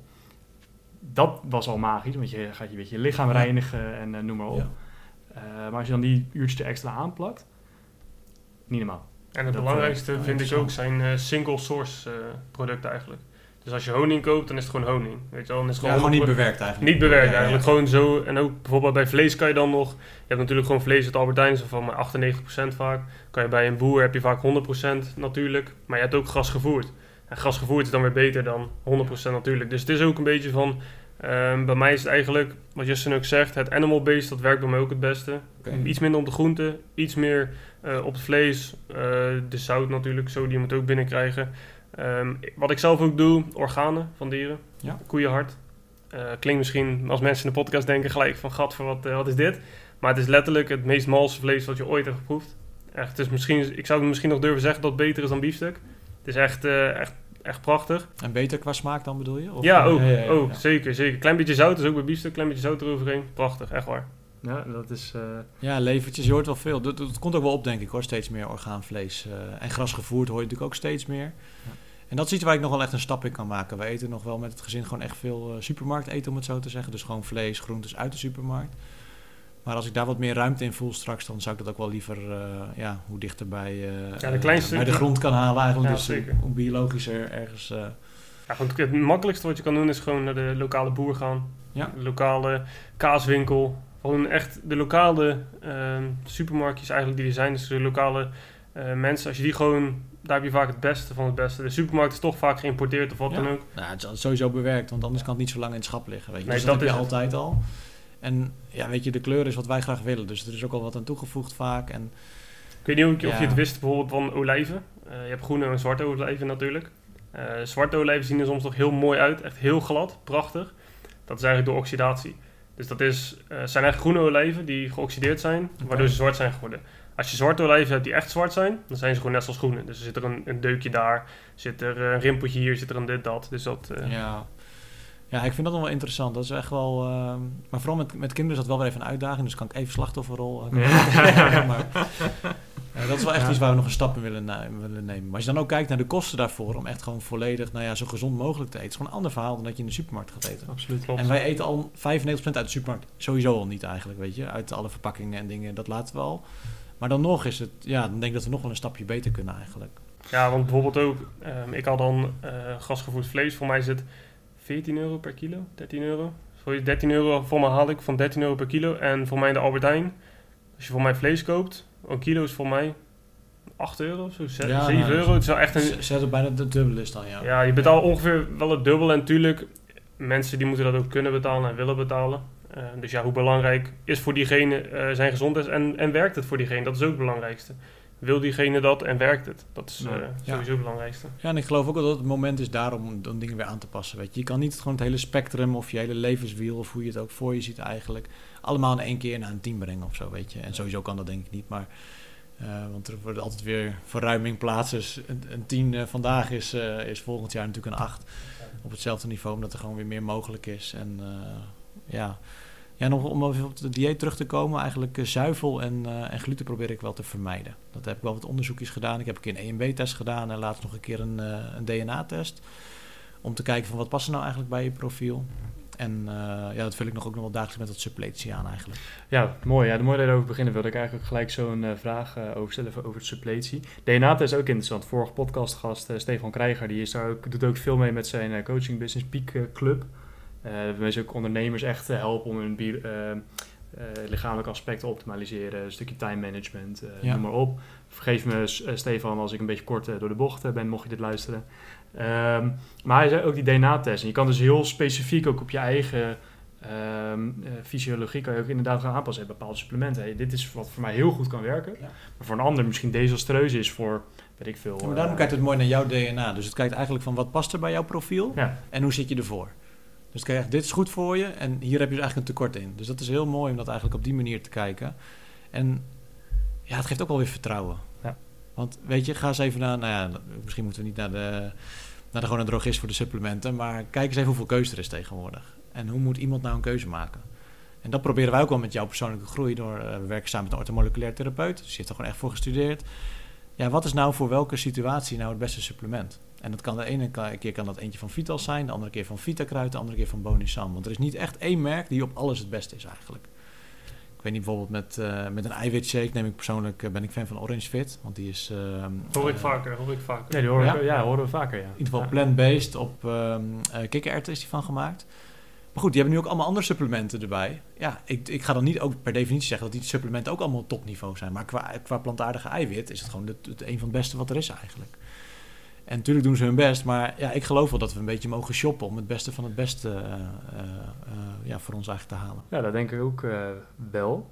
Ehm, ja, ik wil toch nog even de supplementenvraag uitlaten. Want ik was eigenlijk nog wel nieuwsgierig naar slapen. Hè? Dat is iets waar je op het begin natuurlijk ook al vrij veel mee begon, begon te doen. Ook met, die, met Headspace en noem maar op. Maar je hebt nu natuurlijk twee, twee kleintjes. Ja. Hoe ehm, ja, optimaliseer je nu je slaap? Ook met die kleintjes. Dat is natuurlijk wat ga- ja, misschien wat chaotischer. Ze worden s'nachts wakker. eh, ze, hebben, eh, ze doen een beroep eh, op jou als vader.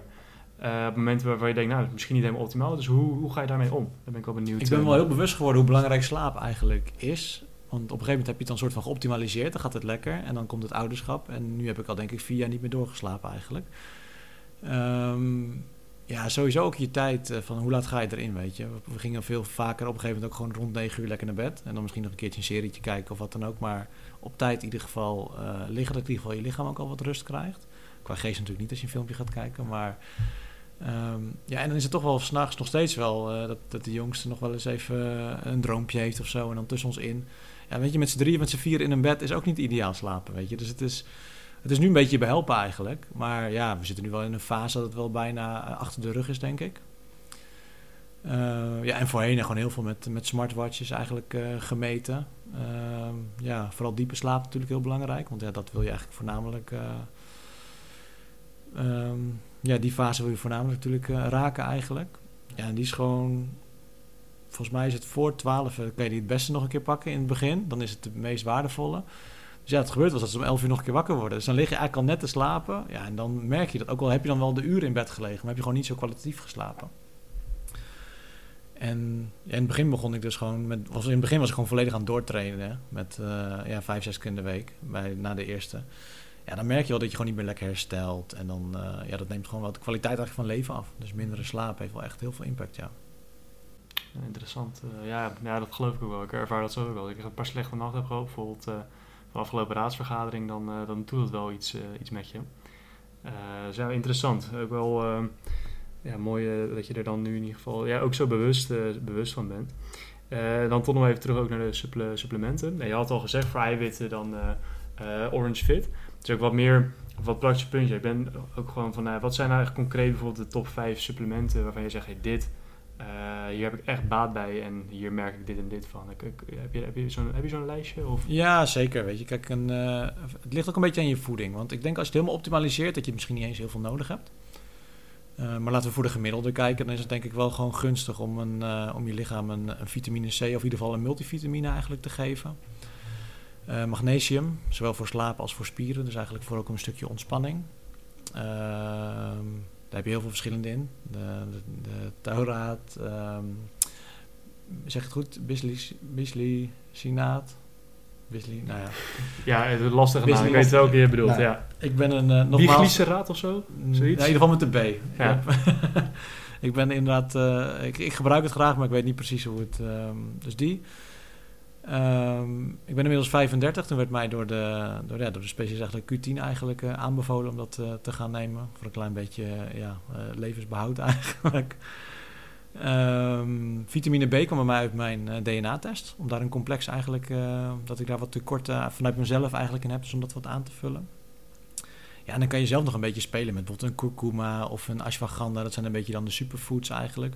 Of als je vaak last van je darmen hebt, zou je met een probiotica natuurlijk nog wel wat uit de voeten kunnen.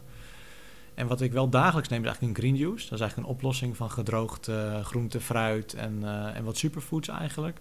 Wat je gewoon in een glas met water doet en even roeren. En eh, ja, dan heb ik altijd weer het gevoel, dan heb ik weer alles binnen. Het geeft ook nog een energieboost. Dus eh, sommigen nemen misschien een Red Bull daarvoor, maar dan kies ik liever voor het, eh, voor het groene drankje. Ja. Tegenwoordig zit er ook wat munt in, dus het is ook beter te drinken. Vroeger was het echt niet te drinken, maar tegenwoordig is het ook nog wel goed eigenlijk. Ehm, ja, qua suppletie is dat het eigenlijk. Ik had vandaag, oh nee, gisteren eigenlijk wel. Ik ben een microdose periode aan het doen. Dat vind ik ook wel weer interessant om. Dus doe ik het om de dag. Dus vandaag dan niet, maar gisteren wel. Dus dan neem je een heel klein beetje van eh, ja, de magic truffles eigenlijk, om Ah, het zo ja. te zeggen.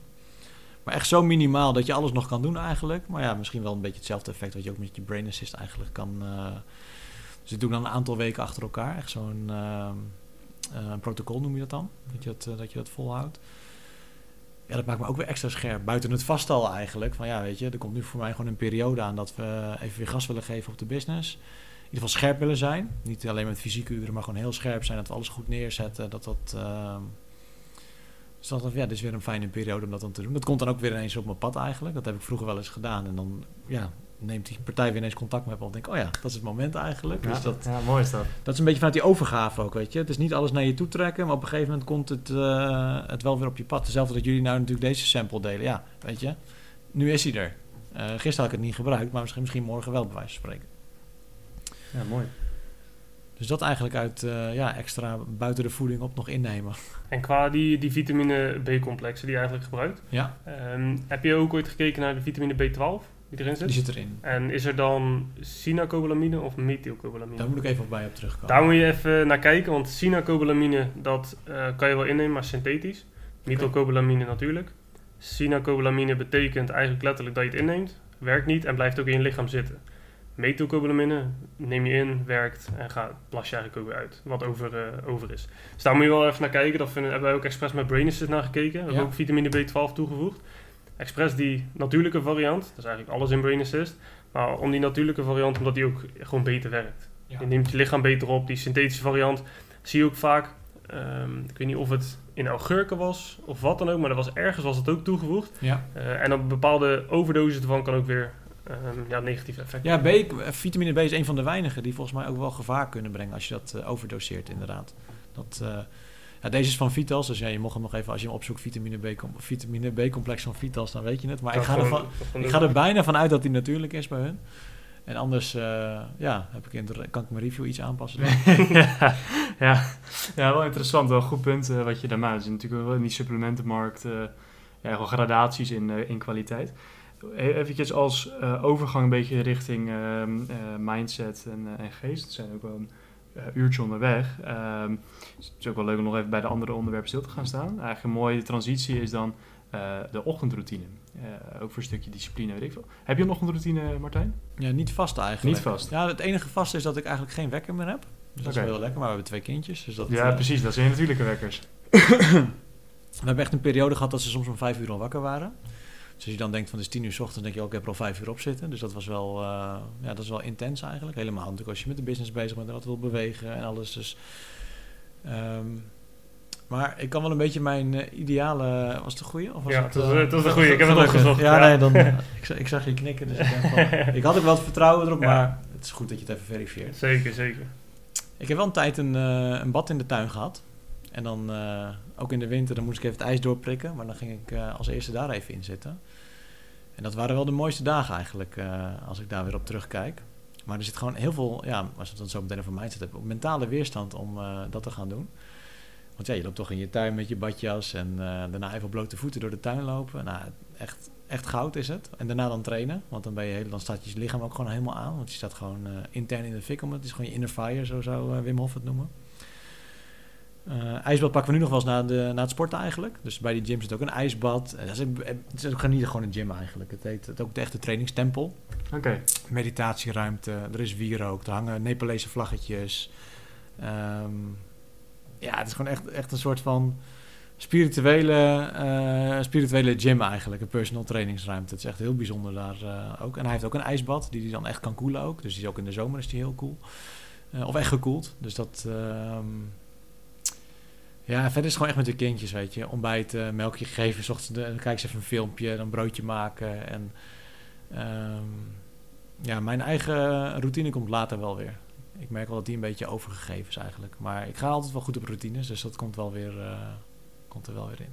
En een eh, koude douche, doe je dat? Heb ik een tijd wel, ik heb het, ben denk ik vanaf, vanaf dit jaar eigenlijk, vanaf januari, daar weer een beetje mee gestopt. Maar daarvoor echt weer drie maanden gewoon echt elke dag. En ook gewoon volledig koud, dus gewoon met inzeep en al eigenlijk. eh, dat hoort ook een beetje bij de challenge vanuit mijn training eigenlijk.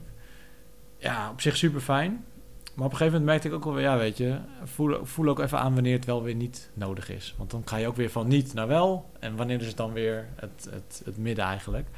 En dat is nu voor mij, als ik twee keer in de week in het ijsbad zit, is het ook prima. Want als je kijkt naar de eh, lichamelijke effecten eigenlijk. Ja, is één keer in de week, volgens mij kan je daar één of twee weken op teren eigenlijk op een ijsbad. Qua eh, benefits die je eruit haalt. Maar het mentale stuk is natuurlijk ook super interessant. Van, hey, kan jij die knop omdraaien? Letterlijk, kan je de knop omzetten? Ja, en, en doe je het, ja, wat je ook zegt. Want eh, vaak, wij doen ook, wij, wij zweren eigenlijk bij, bij koude douches eigenlijk. Ehm, ik merk het ook heel erg bij mijn herstel. Ehm, heel veel mensen zeggen, ja, je moet warm douchen dat je spieren te ontspannen. Maar ik heb juist gemerkt dat wanneer ik warm douche, dat het langer duurt voordat ik mijn spieren eigenlijk herstelt, herstellen dan, dan als ik koud douche. Dat is ook wel een bijzonder Maar iets. volgens eh, mij werkt het ook precies andersom. Als je wil afkoelen, wil je eigenlijk een soort van lauw douchen. En als je wil opwarmen, ga je koud douchen. Ja, Van binnen naar buiten, want als, Ja. het zo, als je het zo redeneert. Dus ik denk dat jij helemaal gelijk hebt met dat dat verkortend werkt eh, op je herstel. ja maar echt, eh, nu op, eigenlijk, bij ons, bij mij in ieder geval, werkt het eigenlijk heel makkelijk. Die, die douche gaat aan, staat koud, 3, 2, erin. Weet je wel, niet nadenken, gewoon, eh, en ook gewoon inzepen, wat dan ook, gewoon geen probleem. Maar gewoon eh, niet meer over nadenken. En we hebben het al vaak gezegd op de podcast ook natuurlijk aan de mensen. Probeer het eens gewoon een week. Ja. Elke dag, probeer het eens gewoon. 100%. 100%. En heel eerlijk, een bad in de tuin is makkelijker dan koud douchen. Oké, Voor je hoofd. Want daar heb je geen kant op. Kijk, onder de douche kan je een beetje je voet eronder doen. Of kan je een beetje dit doen. Of toch even je schouder zo en dan even zo inzepen. Maar in je bad zit je gewoon. En je kan alleen maar uit of erin. Weet je, dat is het. En dat, eh, dus qua mindset is dat makkelijker. Eh, maar in een hele... Daarom is het juist mooi om, om juist in je badkamer... waar het juist zo behagelijk is om daar koud te gaan douchen. Want je hebt een hele andere, heel ander gevoel, een hele andere beleving bij je badkamer.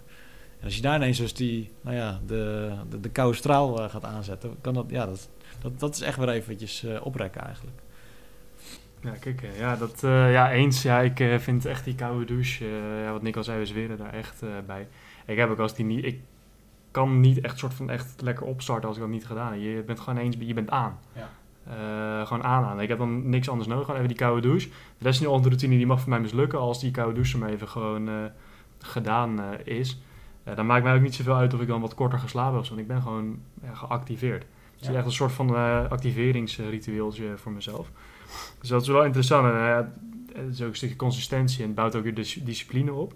Ja, dat is voor jou met je business natuurlijk ook eh, ehm, van belang. En je er- er- herkent dat denk ik ook wel. Maar hoe heb je dat voor jezelf eh, opgebouwd? Hè? Je discipline en eh, ook consistentie eh, in je werk. Heb je daar bepaalde technieken voor, bepaalde oefeningen? Of is het een beetje vanzelf gegaan?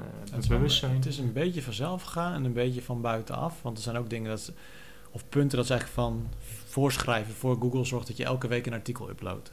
Nou, als je elke week, dan doe je dus vier per maand, maand aantal websites. Is dat het minimale wat je moet doen eigenlijk. Dus dat is daardoor altijd een ondergrens al geweest eigenlijk. Van dat moet ik minimaal doen. Ehm, toen zei ze ook bijvoorbeeld, een blog moet ongeveer zoveel woorden zijn. Nou, is dat weer, dus er komen ook van buiten naar binnen, worden er gewoon van eisen, eisen gesteld eigenlijk. Die je dan wel gaat hanteren. En ja, mijn tip van mijn business coach is altijd, wees consistent, weet je. Zorg elk artikel wat wij toevoegen. eh, we zijn ook twee weken terug omgegaan eigenlijk van een eenmanszaak nu naar een BV, naar een holdingstructuur. Heet ook online vastgoed BV. Elk artikel dat we publiceren zien wij als een bouwsteen. Dus elke keer leggen we weer een steentje erbij.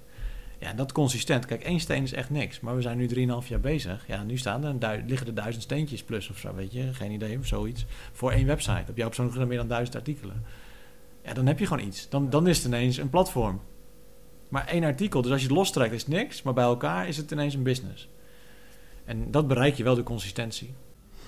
Ja, mooi. Ja, te kicken. Ook wel een mooie manier om dat zo, eh, ja, om dat zo te, te zeggen. Hey, en ehm, even kijken.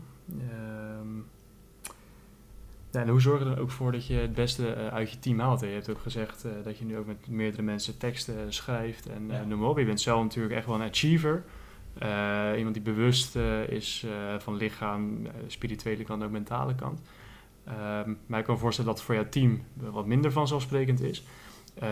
Of zijn ze juist wel heel erg er, net zoals jij mee bezig zijn, ze een soort van reflectie van wie jij eh, bent. Eh, en daar ben ik wel benieuwd naar. En hoe probeer je hun daar dan ook in te eh, ja, stimuleren ook? Of in Ja. ieder geval te helpen als, als daar vra- vragen Ja, dat ontvouwt zich ook wel weer. Want ehm, mijn copywriter, zij heeft dan eigenlijk een soort van agency, dus zij werkt ook weer met meerdere samen. Dus ze schrijft niet eens alle. Ja, het meeste schrijft ze wel voor ons, maar bepaalde artikelen kan ze ook door haar team laten schrijven. Maar zij heeft bijvoorbeeld ook een boek geschreven over persoonlijke ontwikkeling. Dus het is ook weer niet toevallig eigenlijk, weet je. En, maar we zijn wel weer, ja, laten we dan toch het woord gaan noemen, toevallig bij elkaar gekomen eigenlijk. Dus dat, dat, die synergie zit er dan al wel. Ik merk wel vanuit mezelf, dan ben ik meer hoog over. Dus ik zie meer van, dit is de visie die ik heb. En dan vind ik het lastig om in de details te gaan zitten. En ehm, in mei, ja, mei dit jaar eigenlijk, is mijn vriendin eigenlijk gestopt bij haar werkgever. Eh, Anouk is ergotherapeut. Eh, alleen zat het daar niet meer helemaal naar de zin. Zij wil eh, veel meer de coachingskant op, intuïtief coaching, lichaamswerk, die kant op. En eh, nou, ze heeft een beetje hetzelfde gedaan als wat ik had, het universum ingeslingerd van, nou ja, ik wil, eh, ik wil hier wel weg. En dan kwam daar ook een reorganisatie aan. Alleen zij was niet overtallig geplaatst, of overtallig, eh, hoe zeg je dat? Zij hoefde niet weg, maar zij heeft de plek van iemand anders ingenomen. Dus dat kan dan ook. En dan krijg je toch dat exitpakket eigenlijk van diegene.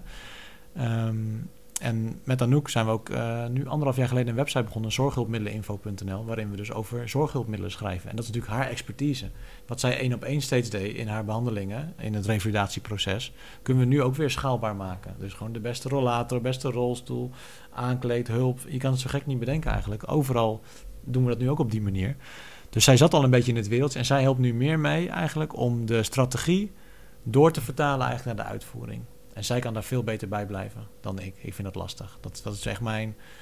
Ehm, ik ben niet de manager, ik ben de ondernemer. Ik denk de meer de, ja, de visionair eigenlijk. Ik zie het zo. Zo gaan we het doen. Dan is het ook voor mij oké. maar dan is het eigenlijk al zo. Dan is het eigenlijk al zo. Ja. En dan moet het eigenlijk nog wel zo gemanifesteerd worden of, of uitgewerkt worden. Maar ik ben dan wel weer bij de volgende fase. Ehm, dus in het begin heb ik daar wel moeilijk mee, moeite mee gehad om dat ook allemaal zelf uit te moeten werken. Uh, of moeten. Maar dat is gewoon in het begin het proces natuurlijk. Want je bedenkt iets, je gaat het uitwerken. En op een gegeven moment kan je iets bedenken. En kan je mensen die het veel beter dan jou kunnen laten uitwerken. Nou, die fase zitten we nu meer eigenlijk. Heel mooi. Ja. Als laten we nu nog een klein stukje voor het podcast. Zijn we ongeveer uh, iets meer dan een uur bezig. Laten we iets terug gaan weer naar de spirituele kant. Ja, leuk. Dat is mooi. Eigenlijk heb ik uh, een vraag voor je. Eigenlijk, wat doe je om je innerlijke balans, eigenlijk die spirituele welzijn, te bevorderen? Is dat meditatie? Is dat affirmatie? Ja, rustmomentjes vooral. Dus eventjes met je ademhalen, dus even inchecken bij jezelf, even rustmomentjes. Ik heb ooit, uh, heb ik dan ook een keer in een podcast gehoord, doe dat eens als je voor een rood stoplicht staat of als je achter bij de kassa in de rij staat. In plaats van dat je gaat frustreren over die momenten, pak daar eens even je ademhaling terug. En ja, weet je, steeds vaker als ik even bewust ben, denk ik, oh ja, pak even die ademhaling. En dan breng je jezelf gewoon alweer even terug en dan kan je alweer ja, iets meer gewaar zijn. Dan zie je alweer, nou ja, zie ik Martijn hier zitten in de podcast... in plaats van dat ik denk dat ik hier zit, bij wijze van spreken. Uh, ik ben ook wel fan van mediteren. Oh, dat heb ik nog niet benoemd. Bij, bij het slapen tegenwoordig. Ik doe best regelmatig een spijkermatje. Spijkermatje? Dat, uh, die rol ik uit op mijn bed. En dan doe ik een, uh, nou, een meditatie in. Een minuut of twintig. En ja, dan pak je het dus dubbel. Dus met mediteren kan je natuurlijk van, ja, kan je al helemaal nou ja, zen worden of in een bepaalde staat raken. Maar ook nog eens door, door die, wat zullen het zijn, 1500 prikkeltjes in je rug. Wat echt geen pijn doet, maar wat wel uh, uh, ja, heel veel signaaltjes afgeeft eigenlijk. Dus het brengt heel veel letterlijk in beweging in je lichaam qua afvoer. En ja, dan ben je echt mega ontspannen. Maar die is interessant, dat ga ik denk ik ook eens uh, gewoon proberen. Ik heb zo'n spijkermatje, ik heb het wel eens gezien. ik dacht van ja, waar, waar gebruik je dan? Maar dit is eigenlijk best wel interessant. Vooral door dan zo een soort van dubbel te maken. Ja. Je bent bewust ja, gewoon aan het zijn. Uh, ook je lichaam wordt constant uh, geactiveerd. Je probeert een verbinding te maken met iets wat buiten het lichaam is. buiten in ieder geval die fysieke dimensie. Heel interessant. Die, die ga ik ook binnenkort eventjes kijken. Ik denk dat je ook wel op je site wel een aanrader ja, nee, hebt, hebt, staan. Deze is ook weer oprecht dat ik zelf ben begonnen met er eentje te kopen. Daarna ja. de samenwerkingen ben gaan zoeken. Het gebeurt ook wel eens andersom. En dat is ook wel leuk om even op in te haken. Dus ik was... Ehm, ik weet nog waar ik was. ik was. We waren in Italië op vakantie bij het Gardermeer. Ik las een boek van, um, hoe heet die, van de 4 Hour Work Week? Die, um, Tim, Ferriss. Tim Ferriss. die heeft ook een podcast. Ja. Die heeft een boek geschreven met de samenvatting uit al die podcasts. Hij begint gewoon tien dingen die ik vanuit alles heb geleerd. Ik neem altijd mijn spijkermat mee. Ik denk, wat de fuck, hij heeft zo'n boek geschreven en dit staat op één. Waar hij ook is, zegt hij. Ik krijg het nu weer ook een beetje kippen, dus wat mooie uh, Ja, mooi is dat, ja. Dus ja, dan ga ik, dan ga ik dus gelijk kijken, bol.com uh, bestellen. En ik denk, oh, dat is nice. Dan ga ik met ze in contact. En zo'n product is dan ook een van de best lopende producten. En ik heb ook wel dat mensen naar me toe komen van, hé, wil je dit doen? Nou, wil ik ook wel doen. Maar dan is die energie gewoon toch even anders. Dus als je echt iets eerst embodied hebt en dan dat weer gaat uitzenden, 100% andere energie. En dat is dus zelfs met een blog. En die blog is gewoon fysiek exact hetzelfde, alleen een ander onderwerp, helemaal niks anders. Heeft dezelfde copywriter geschreven, dezelfde soort, maar gewoon andere energie draagt het. Dat is echt, dat is echt insane. Ja, mooi is dat. Uh, ja, gaaf zeg. Ja, dat is een hele interessante. Die uh, is ook wel even als praktische tip voor de luisteraar, maar ook voor onszelf. En daar ga ik zo meteen ook even daad bij het uh, woord uh, voegen. Ja, ik moest ook nog eventjes, je had het bijvoorbeeld ook even over het bewuste momentje bij het stoplicht of in de rij. En eerder in de podcast ook over dat wandelen. Ja. en ik moest daar ook nog eventjes aan denken. Ook die quote van Nietzsche, die eigenlijk ook, die, die ken je wel toch? Friedrich Nietzsche, de, de filosoof. Uh, en die, die ook uh, ooit uh, zei van eigenlijk elk idee wat niet tijdens wandelen tot je is gekomen is waardeloos. Dus met andere woorden, eigenlijk als je wandelt, dan komen eigenlijk de beste ideeën, of je het nou de bron wil noemen, het al of, of God, komen dan tot je. En dat is wel interessant, want ik ook weer een beetje vanuit mijn expertise als historicus.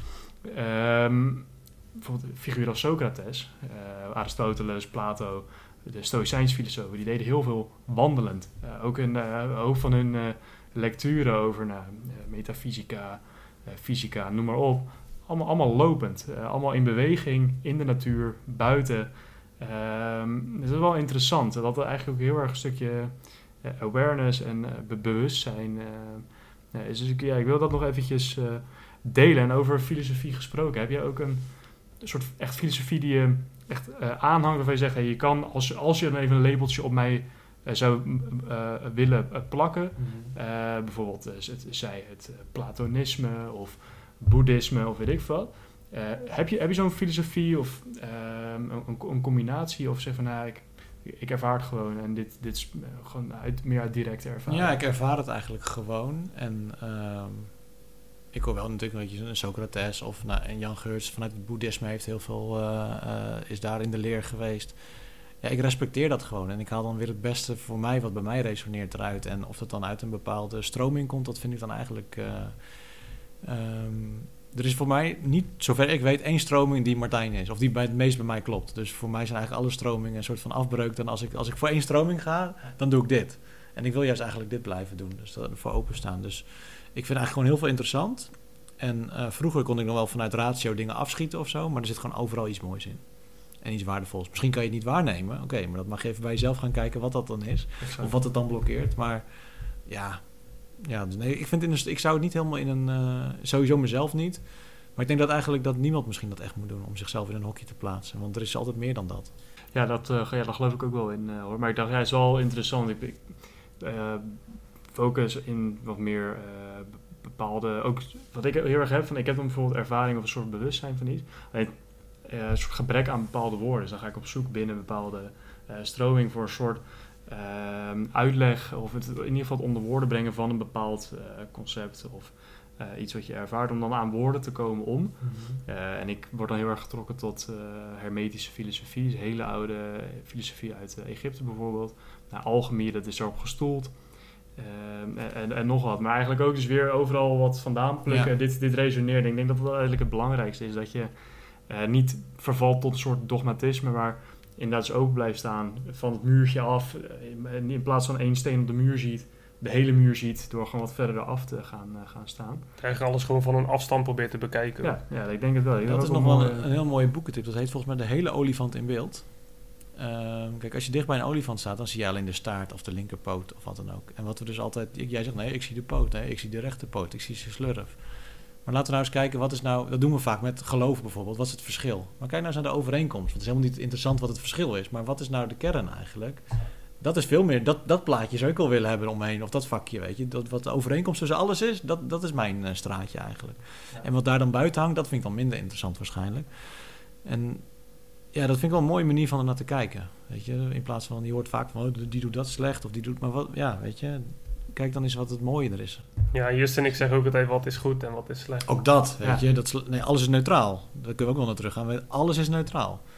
Behalve wij vinden er iets van. Maar dat is iets wat in, in ons zit. Maar alles maar dan moet je ook denken dat een Poetin ook neutraal is. Of een, weet je, dus... Nou kijk, in essentie uh, uh, wel. Kijk, even gewoon puur uh, los van het, is. En jouw perceptie daarvan, wat jij daarvan vindt, dat creëert dan de realiteit. Je hebt altijd een polariteit. wat je goed kan noemen en slecht. uiteindelijk is dat vooral subjectief. Want het verhaal van de adelaar en, en het lammetje, dat is...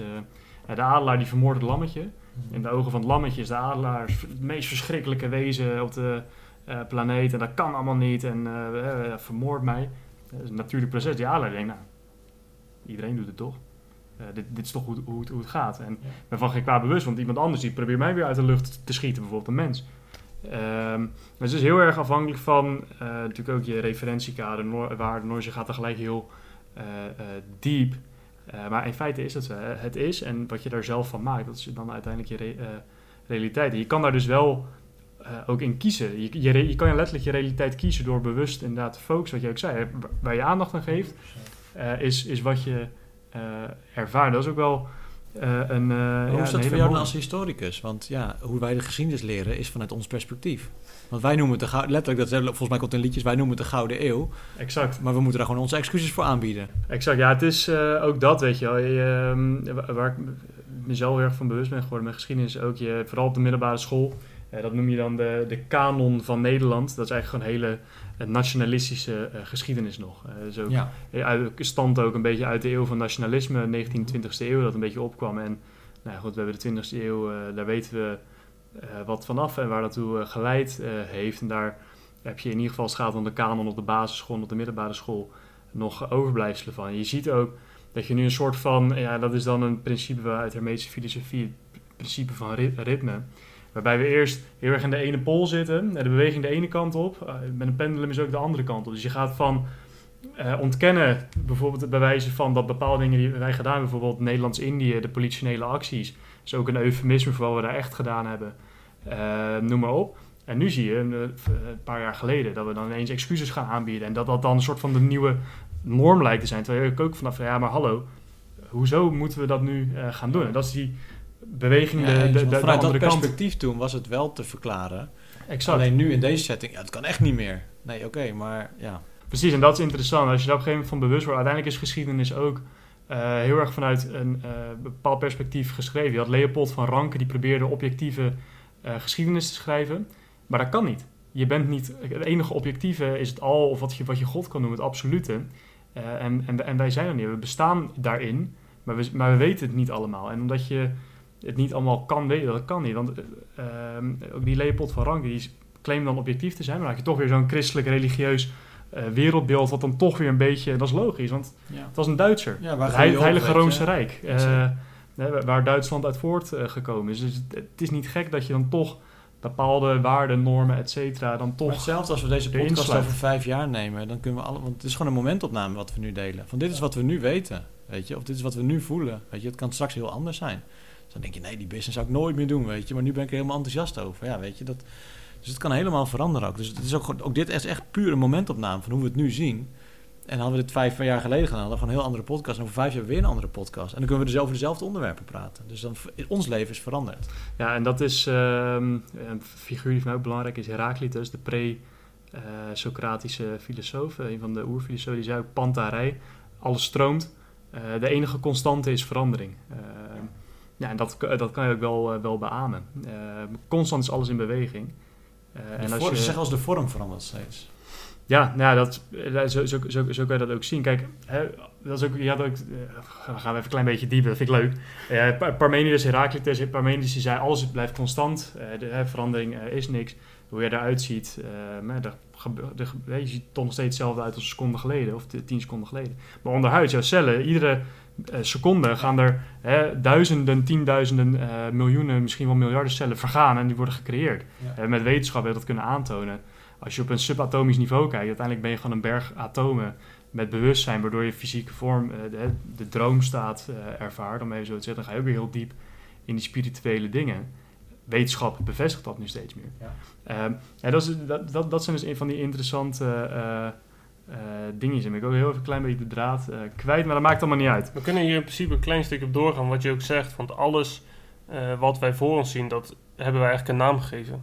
Want een stoel geeft je een naam, van dit, zijn, dit is een stoel, dit is een tafel. Het is een afspraak die we hebben gemaakt. Het is een We noemen dit zo. Daarom, het is een afspraak die je hebt gemaakt. Maar eigenlijk, wat Justin ook net zegt, alles zijn gewoon atomen die heel dicht bij elkaar zijn. En die zie je als vorm en dat zijn... Dat is een stoel of dat is een koelkast of wat dan ook. Ja, dat is interessant. Je kan dus, eh, dat was het punt dat ik probeerde te maken. Je, kiest, je kan dus letterlijk je ervaring kiezen. Of er wordt voor jou gekozen. Bij een gebrek aan zelf kiezen, wordt er voor jou gekozen. En Dat is fase Ehm, 1, denk ik. Zo zou ik dat dan weer als we daar naar terug gaan. Ja. En bij fase 2 kies je wat je wil zien. Ja. En eh, op een gegeven moment zie je wat, je wat er mag gezien worden, wat er aangekeken mag worden. Dus dan ben je heel erg met verruiming bezig, denk ik. En daarna ben je dus onderdeel van dat. Dan, ja, van alles eigenlijk. ja, full circle, ja, mooi. Een hele, hele mooie aanvulling. Dus eigenlijk ook een beetje naar het zoeken was nog in ja, de soort reden, eh, redenatie die ik hier eh, eh, probeerde op, op te voeren. Interessant. Ik, misschien wel, ja, ik blijf het iedere keer zeggen, maar legit echt wel de meest interessante podcast-episode tot nu toe. Dus waarvoor dank. Ik wil toch een klein beetje gaan bouwen richting, een, richting een einde. Ehm, en dan eigenlijk ook wat meer tot een wat. We hebben nu wat meer in het abstracte gezeten, ook vooral als het gaat om een stukje eh, spiritueel. Daar verzand je al gauw eh, in en verzand is misschien niet het juiste woord. Eh, maar ook nog even wat praktische dingetjes. En ja, wat ik zelf altijd een leuke vraag vind om te stellen is, als je een billboard, een tekst op een billboard mag zetten. En de hele wereld moet dat zien of zou het zien. Wat, wat zou dan die boodschap concreet in een paar zinnen maximaal zijn waarvan je zegt, als, als ik dit daarop mag zetten, eh, dan zou dit hetgeen zijn ehm, eh, wat ik aan de hele wereld zou eh, willen laten zien. Ja, dan moet ik als marketeer natuurlijk wel iets heel moois eruit gooien. Nee, ik denk dat, ik, eh, dat uiteindelijk de kern van de boodschap echt van binnen naar buiten mag zijn. Ik denk dat dat... eh, ja, en hoe we dat dan verwoorden om de, om, om de meeste impact te maken, dat, dat, ja, dat komt nu even niet echt tot me. Maar ik denk gewoon van binnen naar buiten leven, als je daar bewustzijn op hebt... en dat je dan ook bewust bent van wat je continu van buiten naar binnen erin aan het proberen... om dus die leegtes op te vullen... En dat sommigen pas na hun pensioen erachter komen dat het niet werkt. Maar als we daar iets eerder achter kunnen komen, dan kunnen we misschien nog meer zelf impact maken op onze eigen eh, nou ja, vierkante meter, om het zo te zeggen. Dus als, als dat gebeurt, denk ik dat er zoveel meer gaat veranderen op grote schaal. Als iedereen zijn eigen, ja, zijn eigen stukje, zijn eigen verantwoordelijkheid eigenlijk pakt. En ja, het lijkt wel alsof ook alles is ingericht om dat niet te creëren of zo. Weet je, het schoolsysteem. eh, ik denk van wauw. En dan wil ik ook niet daar dat daar dan daar slachtoffer van zijn of zo. Want ik denk dat we als ouder hebben, zijn we nog steeds de meeste tijd met onze kinderen bijvoorbeeld. Dus we hoeven niet eh, de verantwoordelijkheid bij de juffen en de meesters te leggen. Maar om gewoon dat stukje mee te geven van wat voel je nou eigenlijk en wat gaat er nou in jou om of wat doet het met je. Om daar meer naar te kijken eigenlijk en daar ook op te vertrouwen. En daar dus ook vooral als ouder naar het kind echt heel zorgvuldig mee om te gaan. Van, want als je dat een keertje, eh, dat weet ik bij mezelf van vroeger als dat dus soort van wordt afgewezen, ja, dan raak je dus met hoofd en hart van elkaar verwijderd eigenlijk. En dan kan je een heel rationeel leven gaan leiden. Waar misschien niet, niet echt iets op tegen is, maar dan mis je misschien wel heel veel andere, ja, wat ik nu wel zie als mooie dingen eigenlijk. Dan, de magie mis je dan, denk ik. Een hele mooie eh, boodschap, eh, Ja, dat, ik. dat wat je ook zegt. ehm, ouders die zijn nu het meeste tijd wel bij de kinderen. Ja, het ligt er ook aan natuurlijk hoe het inkomen is bij die, die ouders. Want heel veel ouders moeten natuurlijk ook de kinderen eigenlijk eh, ja, bij, een, bij een crash of wat dan ook gewoon, gewoon afgeven. Omdat ze in principe geen tijd hebben om, om daar ja, tijd te investeren. Omdat ze moeten werken voor, voor het geld nog wat, wat binnen moet komen natuurlijk. Maar zou er eigenlijk, als jij vanuit deze podcast nou een tip zou mogen geven aan elke ouder in de wereld. Wat voor zin of wat voor tip zou je dan, die jou ook heeft geholpen in het ouderschap, zou je willen geven? Ja, ga met jezelf aan de slag. Ja, eigenlijk een beetje hetzelfde als het billboard. eh, Ja. Ja, Eh, weet je, als, als ik het niet heb doorleefd, dan kan ik het niet doorgeven. En alles wat ik niet heb doorleefd, geef ik dus ook door. Onbewust. En eh, dan, dan maar de hoop dat mijn kinderen het oplossen. Ik durf wel te zeggen dat ik dingen van mijn ouders aan het oplossen ben in mijn proces. En ik zie ook oprecht om daar meer ruimte te ontstaan, ook in, onze, of in mijn relatie tot aan mijn ouders eigenlijk. Wat super mooi is en wat ook mijn proces is. Maar je kan ook, dan kom je even in dat verzet. Je had zelf wat gedaan, weet je, dan had ik dit niet hoeven doen. Maar ja, zo zit het dan. Zo zie ik. Ja, soms komt het wel even in me op hoor. Dan heb je toch even het andere stemmetje van. Het is wel lekker makkelijk dat je kinderen alles oplossen, hè, van spreken. Maar ja, het is, het is ook gewoon. Ik vind het gewoon heel leuk. En dat, ik, dat, dat, die actie die zit in mij. En dat is gewoon een van de voorwaarden of een van de natuurwetten eigenlijk om beweging te krijgen. Dat het gewoon een. eh, ja, die actiematigheid is er gewoon nodig. Ja. Dus ik kan er dan ook al in gaan, weet je. En dan eh, ga ik ook gewoon het hele proces door. En eh, ja, zolang als het duurt. En ja, dat geeft me ook wel weer van er is nog zoveel te doen. Dus ik ben ook eigenlijk nergens bang voor. We gingen laatst ook hiken met een paar gasten en dan moeten we, gingen we, het heet dan een Via Ferrata, dan moet je wat klimmen met wat zekeringen. En sommigen helemaal zwetend en spannend. Denk van ja, weet je, het is mijn tijd gewoon nog niet. Dus er, gaat, er kan niet eens wat gebeuren, weet je. En al gebeurt, dan kan het nooit zo erg zijn dat ik er niet, weet je, er is. Ik heb gewoon zoveel vertrouwen of zo daarin. Dat dat, dat dat voor mij echt geen topic is eigenlijk. Dat is heel interessant ook. Terwijl je dat ook zegt, krijg ik precies ook eh, kippenvel. Eigenlijk wat ik, het eerste waar ik aan dacht is eigenlijk, je voelt je gewoon één met het al eigenlijk, denk ik. Ja. Ja. En ook al stopt mijn fysieke lichaam er wel mee, ja, dat is dan zo, weet je. En dat is. Dat, eigenlijk, ja, dat zal dan mijn omgeving vervelend vinden. Totdat zij ook dat bewustzijn natuurlijk hebben. Dat ze denken van het is oké zo. Ehm, dus het is ook heel interessant als mensen om mij heen mij straks gaan verlaten. Ook hoe dichtbij ook. Ja, ik denk dat ik daar in het moment misschien even verdriet van kan hebben. Maar dat ik dan al best wel snel ook... Ja, dat klinkt misschien wel gek hoor. Maar dat ik daar best wel oké mee kan zijn. Want het gaat gewoon zoals het gaat. Ja, ja, het klinkt niet gek. Ik, eh, ik ben het er helemaal mee eens eigenlijk. Ja. Dat is overgave. Ja, is overgave. Ja, ja, precies dat. Maar ik zie ook wel verdriet bij anderen als er wat gebeurt. Namelijk. Dus ik wil ook niet, ik wil ook niet andere mensen daarmee een soort van veroordelen. Of dat ze zich zo, ja, Nee, maar Nee, dat maar hoe dat- jij eigenlijk die ervaring ervaart. En Ja. dat, dat zou voor jou... ehm, kijk, je, je hebt mensen die zeggen gewoon het is wat het is. De ene die, die zal wat ehm, verdrietiger zijn dan de ander. Dat is altijd. Dat zie je altijd bij begrafenis of wat dan ook. Ehm, maar zoals je ook zegt... Doordat jouw connectie, ja, dus met het al zo goed is, dan denk je van ja, het moet zo zijn. Het moet, ik geef me eraan over, want het hoort zo te zijn. En dat iemand anders dat op dit moment nog niet kan zien, dat maakt niet uit. Maar die tijd die komt wel voordat diegene dat zal zien. Ik denk dus wel dat je kwaliteit van leven daarmee verlengt met die houding. Weet je, met dat, eh, met dat inzicht. Ja. Ja, dat eh, denk ik ook wel. Een hele mooie, eh, ja, eigenlijk wel een afsluit. We hebben natuurlijk in deze podcast nog wel een paar boeksuggesties eh, van jou eigenlijk gehad. Ook die eigenlijk een beetje opkwamen gedurende het gesprek. Ehm, eentje van eh, Jan, Jan Geurts natuurlijk, de ander over de olifant. En je had er volgens mij nog eentje. Eh, nee, die twee Oh, boeken. eh, die twee. En en- heb je dan eh, nog één, twee eh, boeken je zegt, hey, dit is ook echt wel must-read eh, materiaal? als je echt jezelf wil optimaliseren. En... Sowieso een mooi boek om te lezen, De Alchemist. Van, Ja, Paulo Coelho. Ja, je, dat, is gewoon, dat is gewoon fantastisch. Maar laat die in ieder geval tot je komen op het moment dat je daaraan toe bent. Ik kreeg hem een keertje in mijn schoot geworpen op dat moment. Dan was het gewoon spot on. Dus ga die ook niet lopen uitdelen aan iedereen. Maar dat, komt, weet je, dat is gewoon een boek. Die komt op je pad en lees hem dan. En geniet er dan vooral van. Dan is het prachtig. Ehm, Rutger Bregman. De meeste mensen deugen. Ik weet niet of jullie die hebben gelezen. Ik heb ehm, niet gelezen, eh, maar ik heb me wel eh, met regelmaat voorbij eh, zien komen. Ik heb wel mensen, mensen over gehoord. Eh, maar eigenlijk de titel alleen al, ja, daar kan ik me heel erg in vinden. Ik heb, Ja, ik wil dan wel gewoon alle mensen deugen, weet je. Ja. De kern is gewoon alles, ja, licht, liefde of alles is dus perfect. exact. Wij veroordelen vaak op de houding of het gedrag van iemand. Maar ja, dat is heel beperkt Ja, natuurlijk. niet op de persoon zelf. nee. Exact, ja, kijk, dat is het ook. hè. Het sluit ook wel een beetje aan, want ik denk dat het voor ons alle drie ook wel geldt. Dus, en wij geloven heel erg in de, in de kracht van mensen en gewoon de kracht van de menselijke ervaring, zeg maar, hoe, wat het allemaal te bieden heeft. En sure, hè, voor de mooie dingen om te bestaan heb je de minder mooie dingen nodig, maar dat, is- daar ligt ook gelijk de schoonheid van die ja, minder fijne, leuke... Zeker. Dat zijn die polariteiten, dingen. om dat te kunnen Exact. ervaren. Zonder, nou ja, dan nu de oorlog die er is, kunnen we dus niet die vrede zo ervaren als, we dat, als wij dat hebben. En aan de andere kant is nog steeds degene die dat dan uitzet, eh, eh, meneer Poetin in dit geval, denk ik tenminste, voor zover wij kunnen kijken, denk ik. Ja, zal nog steeds een doel hebben dat we dit mogen ervaren of zo. Want we zijn hier gewoon wel om, om, om als mens dit te mogen ervaren.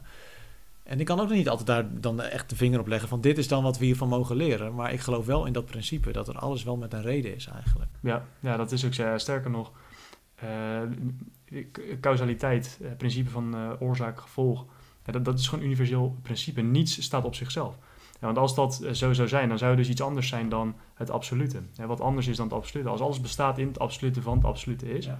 Ehm, en weet je, dan, dan kan niet iets op zichzelf staan. Dat betekent dat het absolute dus niet absoluut eh, is. En dus omdat het allemaal één is en je hebt om te ervaren het een het ander, dan heb je altijd oorzaak-gevolg. Ik zeg zelf ook al, je, je bent de oorzaak van je eigen gevolgen. hè. De dingen die jij ervaart, ja, een stukje zelfreflectie, eigen verantwoordelijkheid nemen, dat, daar gaat het dan in feite om. Eh, wat, wat jij ook zei, hè, in feite komt het ook neer, als je de wereld wil veranderen, begin dan bij jezelf. Ehm, het is zo'n common sense, maar, eh, maar omdat het zo common sense is, dan ja, lijkt het zo, zo moeilijk. Ik denk eh, dat uiteindelijk de essentie van eh, het leven is ook heel basis eigenlijk. Ja. We hebben het alleen heel moeilijk gemaakt met z'n allen, weet je. We, we willen het hele jaar door hetzelfde eten, weet je. Maar als we nou gewoon weer allemaal in ons eigen tuintje dat gaan zitten, hebben we dat alweer gefixt eigenlijk. Dan kunnen we al gewoon goed eten met wat er beschikbaar is, wat er groeit op dat moment eigenlijk. En eigenlijk is dat met alles zo, want ook de hele familie is, eh, nou ja, kinderopvang. Weet je, als we met de families gewoon weer bij elkaar, een beetje community-achtig, dan, weet je, eh, volgens mij ook zo'n uitdrukking, eh, ehm, het kost een dorp om een kind groot te brengen of zo, eh, weet je. En wat doen wij allemaal? We gaan allemaal ergens anders wonen en eh, we doen vijf dagen kinderopvang bij wijze van spreken. Ja, ik geloof daar niet in, dus wij hebben er ook een andere eh, constructie voor bedacht. Maar dat is wel wat er gebeurt. En dan is het best moeilijk om dus dat over te kunnen brengen op je kinderen. Als, als je kindje vanaf jongs af aan, dus vanaf drie maanden misschien al, vijf dagen per week ergens anders doorbrengt. Weet je, dan, ja, Ja, en als ouder ehm, moet je dat natuurlijk ook zien. Maar aan de ene kant ben jij ook niet dan degene die jouw kind opvoedt. Want als, als een kind vijf dagen bij iemand anders is, wie is dan nou echt de vader en wie is nou echt de moeder? Of in ieder geval, wie, wie voedt het kind? eh, Ja, ja, weet je, je hebt natuurlijk, daaromheen heb je natuurlijk nog best wel wat tijd met elkaar, maar dan nog, weet je, dat is wel... eh, wij zijn heel blij dat opa's en oma's in de buurt wonen. En die in het begin ook wel van, ja, we willen het graag hetzelfde doen. Nee, ja, doe het ook op jullie manier, weet je. Dat is ook gewoon een stukje opvoeding, weet je. En straks gaan ze naar school toe, dan leren ze andere woorden die wij misschien niet ideaal vinden of wat dan ook. Maar goed, dat is ook weer vanuit ons perspectief.